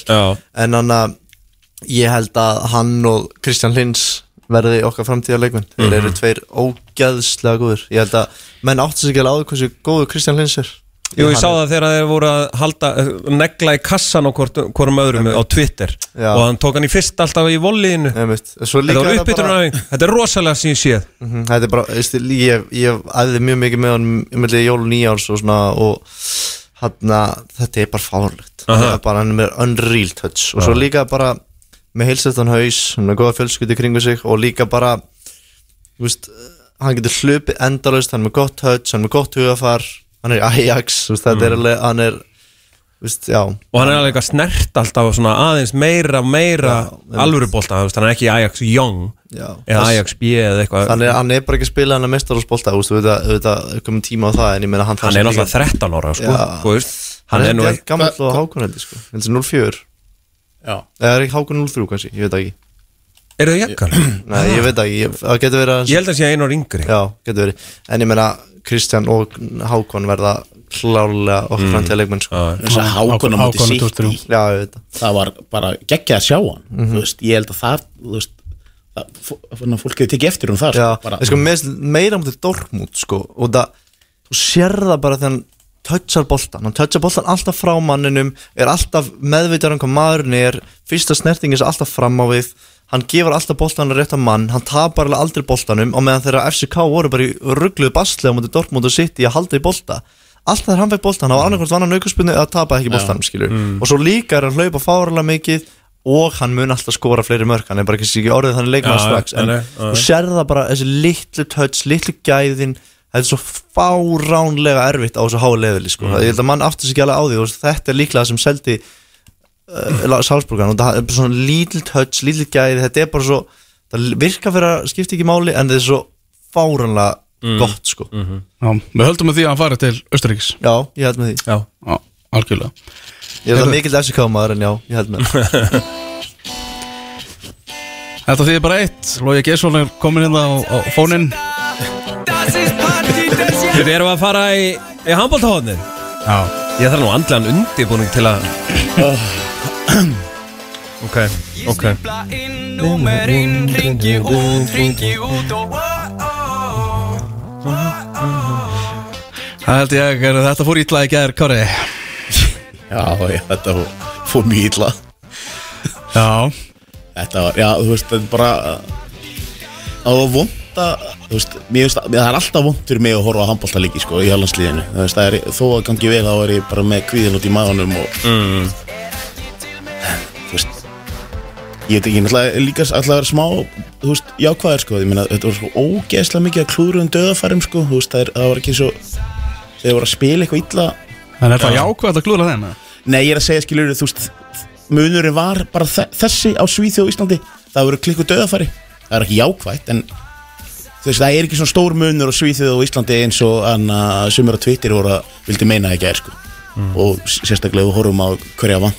að hverja vant hverja vantaði í, í hópin sko? Já, í sex manna, sex manna íþrótt uh, út í línu þá er vond að vera með tvo eiginlega bestu menn að veist, og Ómar Ingi er á heldur bara flestu listum í heiminum í topp 5 og stundum í topp 3 sko, þú veist, að það vantar hann þá það vantar ógeðslega mikið Já. eins og segir, sex manna bolta sko. Svo hann þurfti aðgerð, líklega aðgerð. Aha. Já, maður finnst þannig. Við vorum líka bara alltaf að, er Arnar komin á liðinu? Já, við erum, við erum í betni frá Gautaborg Já, komið í sæl og blessuð. Já, Sérfræðingurinn Arnar Daði, hann er á, á línunni. Sæl og blessaður Arnar. Góðan og blessaðan daginn. Og nú gleðilegan. Heyrðu, ég var hlusta á því í handkastinu í, í, í, sem kom inn í gerkvöldi Já. Þannig er, er þeir runnin reyðin að einhverju leiti eða? Nei, ég var nú ekki reyður í gerð Ég var nú bara að tala þess að tandur heinu sko. Ég, hérna, ég Já, ég var nú full neikvæð fyrir hann leik en ég hafði enga trú á þessu þannig að ég var nú ekkert að missa mig ykkur ykkur þvæglu eftir leikin sko. Nei. Þannig hvað hva var það okkur að, að falli og, og gera verkum að já, við þurfum bara að halda í eitthvað hálmstrá í möguleika á því að, að komast áfram? Já, þú getur nú bara sleppt þessu hálstrófi sko Hérna, félagin minn uh, vildi nú meina að væri meiri líka Ríhanna myndi sleppti DM en að Ísland væri áfram. Ég held að, og ég er bara nokkuð sammála hann er ágætlega myndalegur en hann á, hann á ekki sens sér í hönnu þannig að og við hefum ekki sens á að fara áfram en, en það sem alltaf færi úrskeiðis en alltaf kannski svo margir hafa bent á ekki endilega leikurinn í gær og ég heyrði að það var að ræða það hvað þá án Óma Singa og Aron Pálmarsson að ræðin en ef við snúum okkur leiknum í gær þá bara voru við hvergi líklegir bara frá fyrstu mínútu þú veist, maður sá það bara markvæslan alltaf engin vörnin lítil sem engin sóknarlega já, það er nú búið margræða það. Einhæður sóknarleikur þar sem að við treystum að einstaklings framistu í hverja einustu sókn og við tökum fjó, bara ykkur að segja því ég veit ekki hversu djúpir er inn í þessu við tökum fjóru hotnæðilesingar að leiknum við skorum þrjú mörg og fáum eitt döðafæri ég held að þetta sé einu hotnæðilesingar sem við tökum að þessu móti. Veist, þetta er allt svona annars er þetta bara eitthvað júkarhefingar og línum var ekki frá maður að mann og maður að mann og guð með góður yfirvinna sem Gísli Þorger var í þessu leik sko. Já. Ef við unnum XG, bardaðan, Arnar, það er Ok. Við, við, við fengum fullt af döða færum sko, þannig Já, að- það var eiginlega sem að Arnar, þetta er Adamina uh, Það sem að mér fannst eiginlega mesti munun á allan sem áhuga mörgum þetta er að hversu oft við komumst bara beint frá markmannin og bombum í hann. Það, mér fannst það eiginlega helsti munun mér fannst einhvern veginn alltaf vera þú veist, það munið tveimur, þreimur mörgum eða fjórum. Og það vantaði bara komin ellið komin eitt í gegn eða Bjarki sem hefur alltaf klikkað og skotið í þessum móti komið einn í gegn á móti markmanni og einhvern veginn varði eins og skeppna er það, er það bara bullið mér eða? Nei, nei, alls ekki og, og það er líka sem ég bent á í, í gæri að við, við þurfum að hætta að tala upp eitthvað aðra þjóður eins og þessu eitthvað frábæra sko. Þetta er bara standartinn á handbólta, þetta er gæðin og Íslandi er á heimsmæli kvarða en þegar að líkil menn eins og þú veist, Bjarki Már er að klika döðurum Sigvaldi og, og algjörlega bara sjálfstöðslaus eftir að missi sætist með óðinn og það er líka svona eitthvað sem, eitthvað sem hægt að ræða varandi bæði Viktor Gísla og Sigvalda að þegar þeir fá eitthvað smá þú veist, við erum mótbyr, skilur við Sigvaldi að gjössalega frábæra ef í fyrra þá var líka engin hægur hotna með hann, núna kemur óðinn sjóðandi heitur, bullandi sjálfströst og þá bara drulla Sigvaldi bara í, í brækurnar sko. Af hverju sett Viktor hann Gísla. Sigvalda inn á í setni hálfleik Ég bara skil ekki þessa skiptingu veist, þeir Nei, nei, þetta er eitthvað svona þetta er kannski eitthvað sem að fólk eða þjálfar er að gera, þú veist, trista bara báða mótnamannum, þú veist, og ég held að það sem Gummi Gumm gerir, hann rótir kannski ekki endilega mikið liðin á mótinu og gera það reyndar í gær. En það er nokkuð ljóst að hann spilar þeim mönnum sem hann tristir og, þú veist, hann tristir Sigvalda, maður skilur það alveg.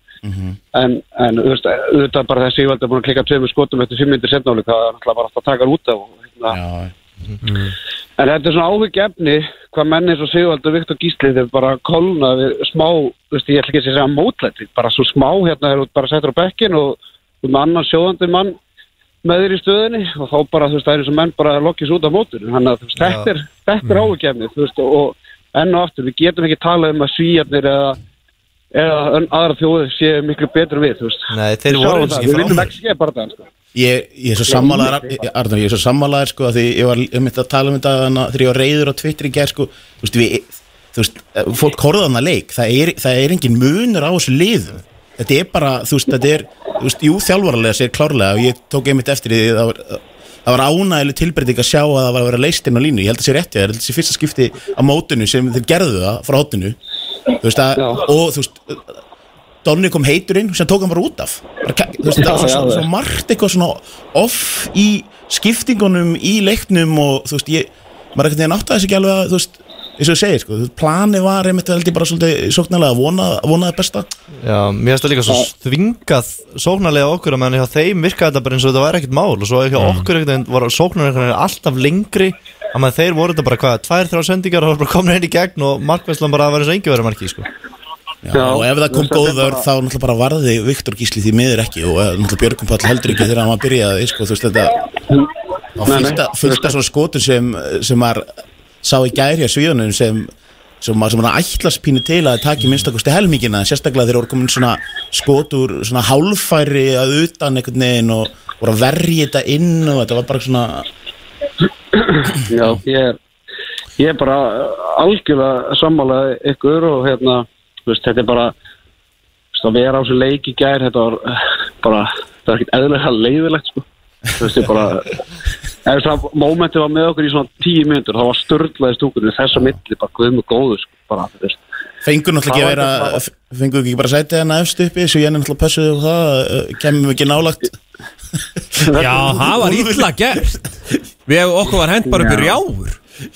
Já, þannig séð en, en þetta er náttúrulega rísa höll sko þannig að en, en það var, þú veist, já, þetta var svona mómentið, þú veist, var aldrei með okkur þú veist, að það var bara, þetta var ekkert eðlilega erfitt og og ég mér að uppskera Að kom- mér sigur á móti Suðu Kóru, Grænhöðægjum og, og Portugal á sem móti sko stóra E- klúri er náttúrulega klárlega Ungurlandi það var líka hann moment í fyrraháleik sem við komumst yfir og þú veist og, og ekki Já, bara já, einu marki, við vorum ekki komin að þremörkum yfir um eitt og þú veist, Mm. það, Jú, jú. þú veist þarna vantaði bara þú veist, einhvern leiðtóða til þess að, svolítið að keiri þetta áfram að því það, við vorum, þarna var að svona koma smá takk á svíunum sko. en við fengum náttúrulega bara eins og enga uh, markusli og Viktor Gísli ætla samt að gefa hann svona smá smá slaka því, þú veist, í handbólta árum markvar alveg segja, er hann bara ennþá bann, sko. Já, já, já. já, ég meina Paleka er 93 ára eða eitthvað. að en að hann að, þú veist en, En mér finnst hann reyndar eins og alltaf með Gísla Þú veist að tala um að það var bara yfirvinn á honum Það, það vantar, sko þegar Gísli, Gísli er mjög viltur leikmaður og ég veit nú ekki það mikið hópulta, nei handbólta en, en hann er mjög viltur leikmaður og hann vantar alltaf svona eitt gæja sem tekur ábyrg með honum að meðan hann var svona stundum að taka glórulega skot út af það var hann, hann langaði bara að gera allt sjálfur sko, að meðan hann getur alltaf leita til Ómasi Arons til liðan sér sem eru jafnvel betri ef ekki jafn góður og hann skilur þannig að vantaði svona eiginlega annan gæði til að stíga upp með honum sko. Já, ég sérstaklega í gær þá kannski tekur hann ennþá meira yfir en heilt yfir mótun þess þetta var langbæsti leikar í gær en heilt yfir hefur hann bara ekki náða að sína sér rétt andlit og þetta er til dæmis það sem ég nefndi þú veist fyrir mótið, þú veist það er full mikil einföldun ætlast til þess að Ómar Ingi og Gísli Þorki spilir bara jafn vel íslenska landsliðinu sem Magdeburg þar sem að liði er bara allt öðru svona aðra, aðra línumenn bara aðra taktik þó að Gummi Gummi sé að reyna að breyta sóknarleikum og reyna að spila eins og Magdeburg þá er þetta bara allt öðru í sig og ég veldi bara fyrir mig hvað er íslenska landslið að gera? Bara segja vingu fyrir mótið þær út að undirbúa sóknarleika því að ná, gera nákvæmlega saman bara leik eftir leik eftir leik bursi frá hver anstæðingur er. Það skiptir engu máli hvaða vörð að spila móti hvaða veikleikar í vördinni þú ert alltaf að sækja sömu sömu eðurnar þannig að það er svo rosalega margar spurningar sem að velti fyrir sér og stærsta spurningi núna sem að vera að fá svona síðasta hálfa sólahíkin eða hver á að taka við það er heldur ekkert endilega máli, ég er svona velti fyrir mér bara frekar þú veist, hverjir eru með gum og gum á bekknum þú veist, og það er svolítið umræðan sem að vara einmitt eftir ungarleikina hann enn alltaf var með einhverja jámenn í kringu sem að hjálpa honum ekkert og, og, og þú veist, ég ætla ekki að vera hérna fyrstum aðeins heimi sem segja að það gummi gums í lélugur þjálfari en hann, hún vantar hjálp, þú veist, hann er lélugur að stjórna leikjum á hliðalínu, hann bara sér svart. Ef, ef ítla gengur, þá byrjar hann bara að blóta og öskra á menn og þú veist, hann bara, hann breytir leikjum voða lítið og þú veist að, að, að vera að gera grína því aðeins í, í gær, þú veist, jú, hann fór í 5-1 þú veist, hann fór í 5-1, það var fjóra minnir eftir og 6 mörgum undir, sko. Þú veist, það, var, það var það sem hann breytti í leikjum í gær. Þú veist, þannig að aldrei líklega hvað í 7-6, hvað gera Danindir í fyrra dag þegar ykkur 5 mörgum undir út í krótum, það er bara í 7-6 vinna leikin Gummi, Eða gummi, gera jafntefli. er, er Gummi Gummi bara eitthvað svona dead man walking, er það einhver umræða? Já, þú veist, það, þú, þú náttúrulega bara Þetta er úrslita bransi.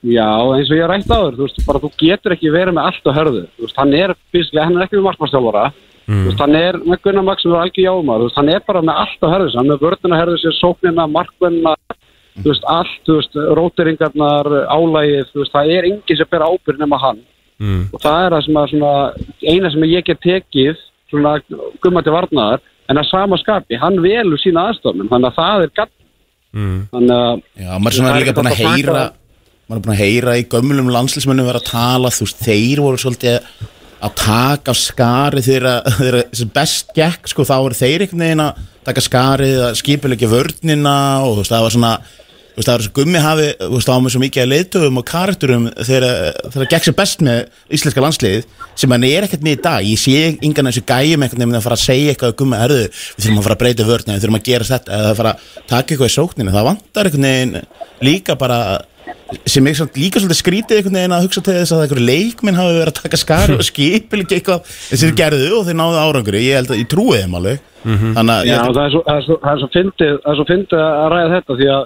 það er kannski ekki margir sem vita eins og hann er köllið sem íslenska landsleir að byrja að spila á ólipilleikum Peking. Hún var ekki til á einhverju töflufundi á gumma gum fyrir leik, hún var bara til til að því að Alexander Pettersson tók upp á einstæmi að fara út í vinstri skiptun og klára skiptuna Já. og þá allt einu bara, herðu, þetta gekk fáralega vel, ég man ekki alveg mótið hvað þjóð þetta var. Þá allt einu bara, ég þetta Pekingvörðin og gumma gummvörðin, þú veist, þetta var ekkit gummi gumm sem að sá þetta fyrir, þetta var bara Nei, Alexander Pettersson að fór bara út í skiptuna, línan, hérna kláraði línuna og þeir voru konur út á 90 metra. Svo allt einu, og Ditti líka, þú veist, hann alrjúkandi út sko, þú veist, geggjaður löpunum sko. Já, já sem, þú veist, við erum með eitt svoleiðis mann sko, sem er elvarörn í vörðinni sem getur gert þetta sko. Já, já, já.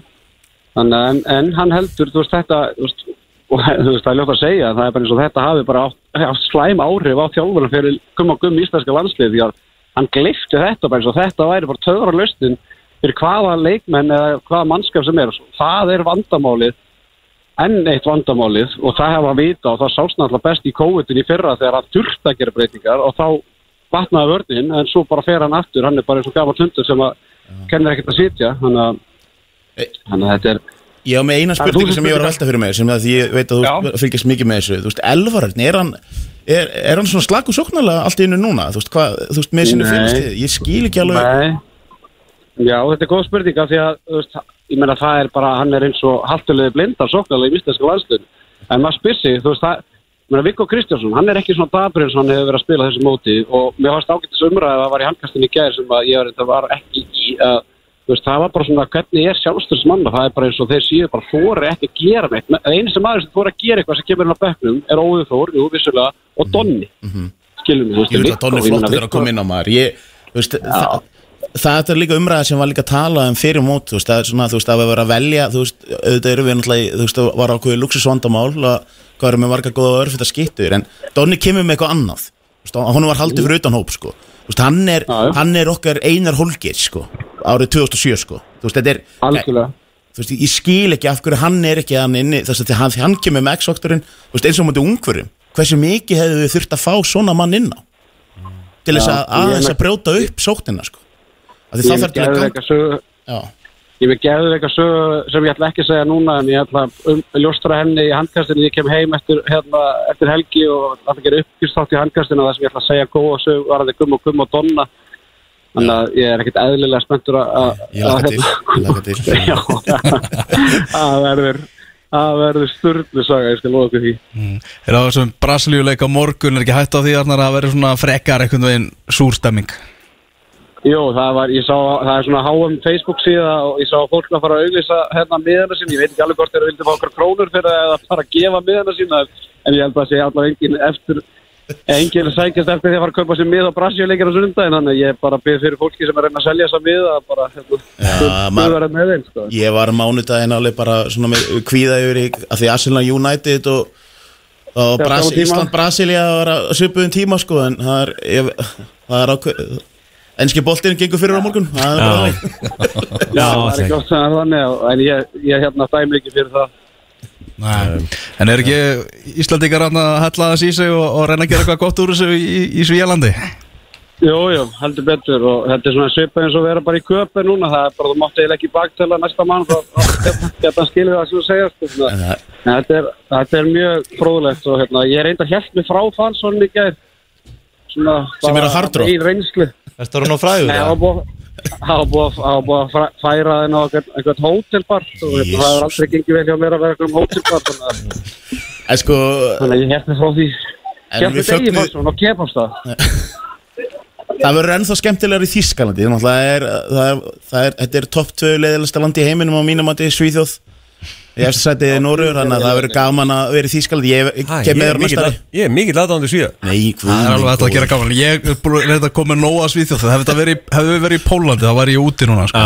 Arnar, var, var svíin að ángra ykkur í gær? Má, máttu þið fara inn á skemmtistæði eða Já, þetta var bara ekkert grín, sko, það, það, þú máttir ekki koma í landslistregin en á skemmtistæði, hendi 27 ára aldurstakmark. Þetta er það sem ég er að segja, svíin er, er, Það má ekki vera gaman í Svíþjóð sko. það, er, það, er líka, það er líka vandamáli sko. Fyrsta spurning frá allir dýruverum er All good, all good, no drunk, no drunk. Maður bara svona, ha, hvað er að fara að bóka samt? Já, ég meina þetta er bara hárri rétt hjá svíjónum hvernig þeir spila þetta Ég skil ekki alveg á esinu Er ekki bara allt í góðu? Gast ekki bara sagt yes og farið inn? Já, þau er svona reynda að horfa í augun á manni og, og þetta er svona við eiga skulum- sem mesta samræðið mann. Við skulum orða það þannig Benni að við hefum ekki getað gert það sama í Svíþjóðu sem við gerum í Tallinn. Nei, nei, nei, ok. Ok. Fyrir mín nánar út í það. Nei. Eru það bara bestu kveður til, til Svíþjóðar og vonandi lærða að gera eitthvað gott úr þessu? Takk hérlega fyrir það. Heyrumst. Bye bye Svo, En hérna, já við þurfum að treysta á það að Grænhöfða eigar vinni Ungverjaland sem að Arnald að það væri bara ekki séns að myndi gerast en Það er ekki séns Og maður sér líka sko myndir og ég sá á Twitter að, að Grænhöfða eiga gaurarnir Þeir voru bara sko á McDonalds á miðnætti Já, Jésús Kristur maður Sko, það má reyndar kvöldi, kvöldi fyrir leik voru þeir að hendi sem McDonalds á miðnætti sko. Logi Gisson fekk sér börgu fyrir leik sko. Muni ekki jættur um okkar Já. það, það er einhver er Þetta er Ég er ekki viss um að Logi Gisson kvittindi það program, mataprogram í dag sko, sem góðu fjárþjálfari sko. En þetta eru gaurarnir sem við þurfum að treysta á Það eru gaurarnir sem eru bara á, McDonalds fyrir leik sko. Mikka D, fólkið Það er ekki sérst að að fá sér kólvetni sko í McDonalds en, en að vera ekki sopnaður eða allavega upp á hótel eitthvað tól sko það er bara alveg galið. Var eitthvað- líka, leikurinn var líka klungan 2 sko eftir. ég erst ekki með matum á hótel eða? Er Já, nákvæmlega. Þeir eru bara eitthvað að leika sér þarna Það er nokkuð ljóst. Eru Múdrygg er komin inn á? Já. Í viðrækn Leopold og Chelsea átti, átti mjög vonda snertingu. Sína fyrstu snertingu. Já, fallið farar heill Snild, segi Kári. 63 mínútur á, á klukkunni og eh, staðan er ennþá markalus á Anfield. Ein, ein hérna svona frétt sem að við kannski og, og svona orðrúmur sem að við höfum ekki snert á það er að Harry Kane sé náttúrulega enn og nýja orðaður við Manchester United. Já. Er það að fara að gerast? Hvernig, uh, sko Það er ekki mikið partí þarna hjá grönnum þínum Kári í Tottenham allavega þessa dagana? Nei, þú veist, hann hlýtur að fá nóg af þessu bara, þú veist, og Erling Haaland er að fara að brjóta með uh, Alan Shearer ef hann verður í eitthvað þú veist, í City og bla bla bla. Skilur við, hérna er ekki bara komin tíma á hann? Sko, ég er náttúrulega, þetta er skrítið að segja þetta sko. ég er bara eða til með tóttinum sko, núna. þetta er bara svo vond Já. Ég skil ekki, þú veist, og Kane er búin að sína tóttinum mjög miklu þólumæði þannig ég, ég held að sé engin tóttinum að held ég, er þetta eitthvað mjög reyður út í hann að fara til dæmis til Jónati ég held að það var gott skref fyrir hann og því miður var það mjög gott skref líka fyrir Jónati Oh my god! Múdrygg með skoti í, hliðan! Hann fór í gegnum nýju leikmenn. Kári, þetta, sjáðu þetta. Þarna Það er bennið náttúrulega að íkja Það var ekki, ekki nýju leikmenn. Ok Þrýr þarna. Þetta er ok, þetta er leikmaður. Þetta er leikmaður. Þetta var rosaleg reyfing Múdrygg Þetta, var bara svo að horfa á Adama í sumar Ég er að skora en það- Já, þú hefði sko Það er lagt upp. Vantarlega lagt upp.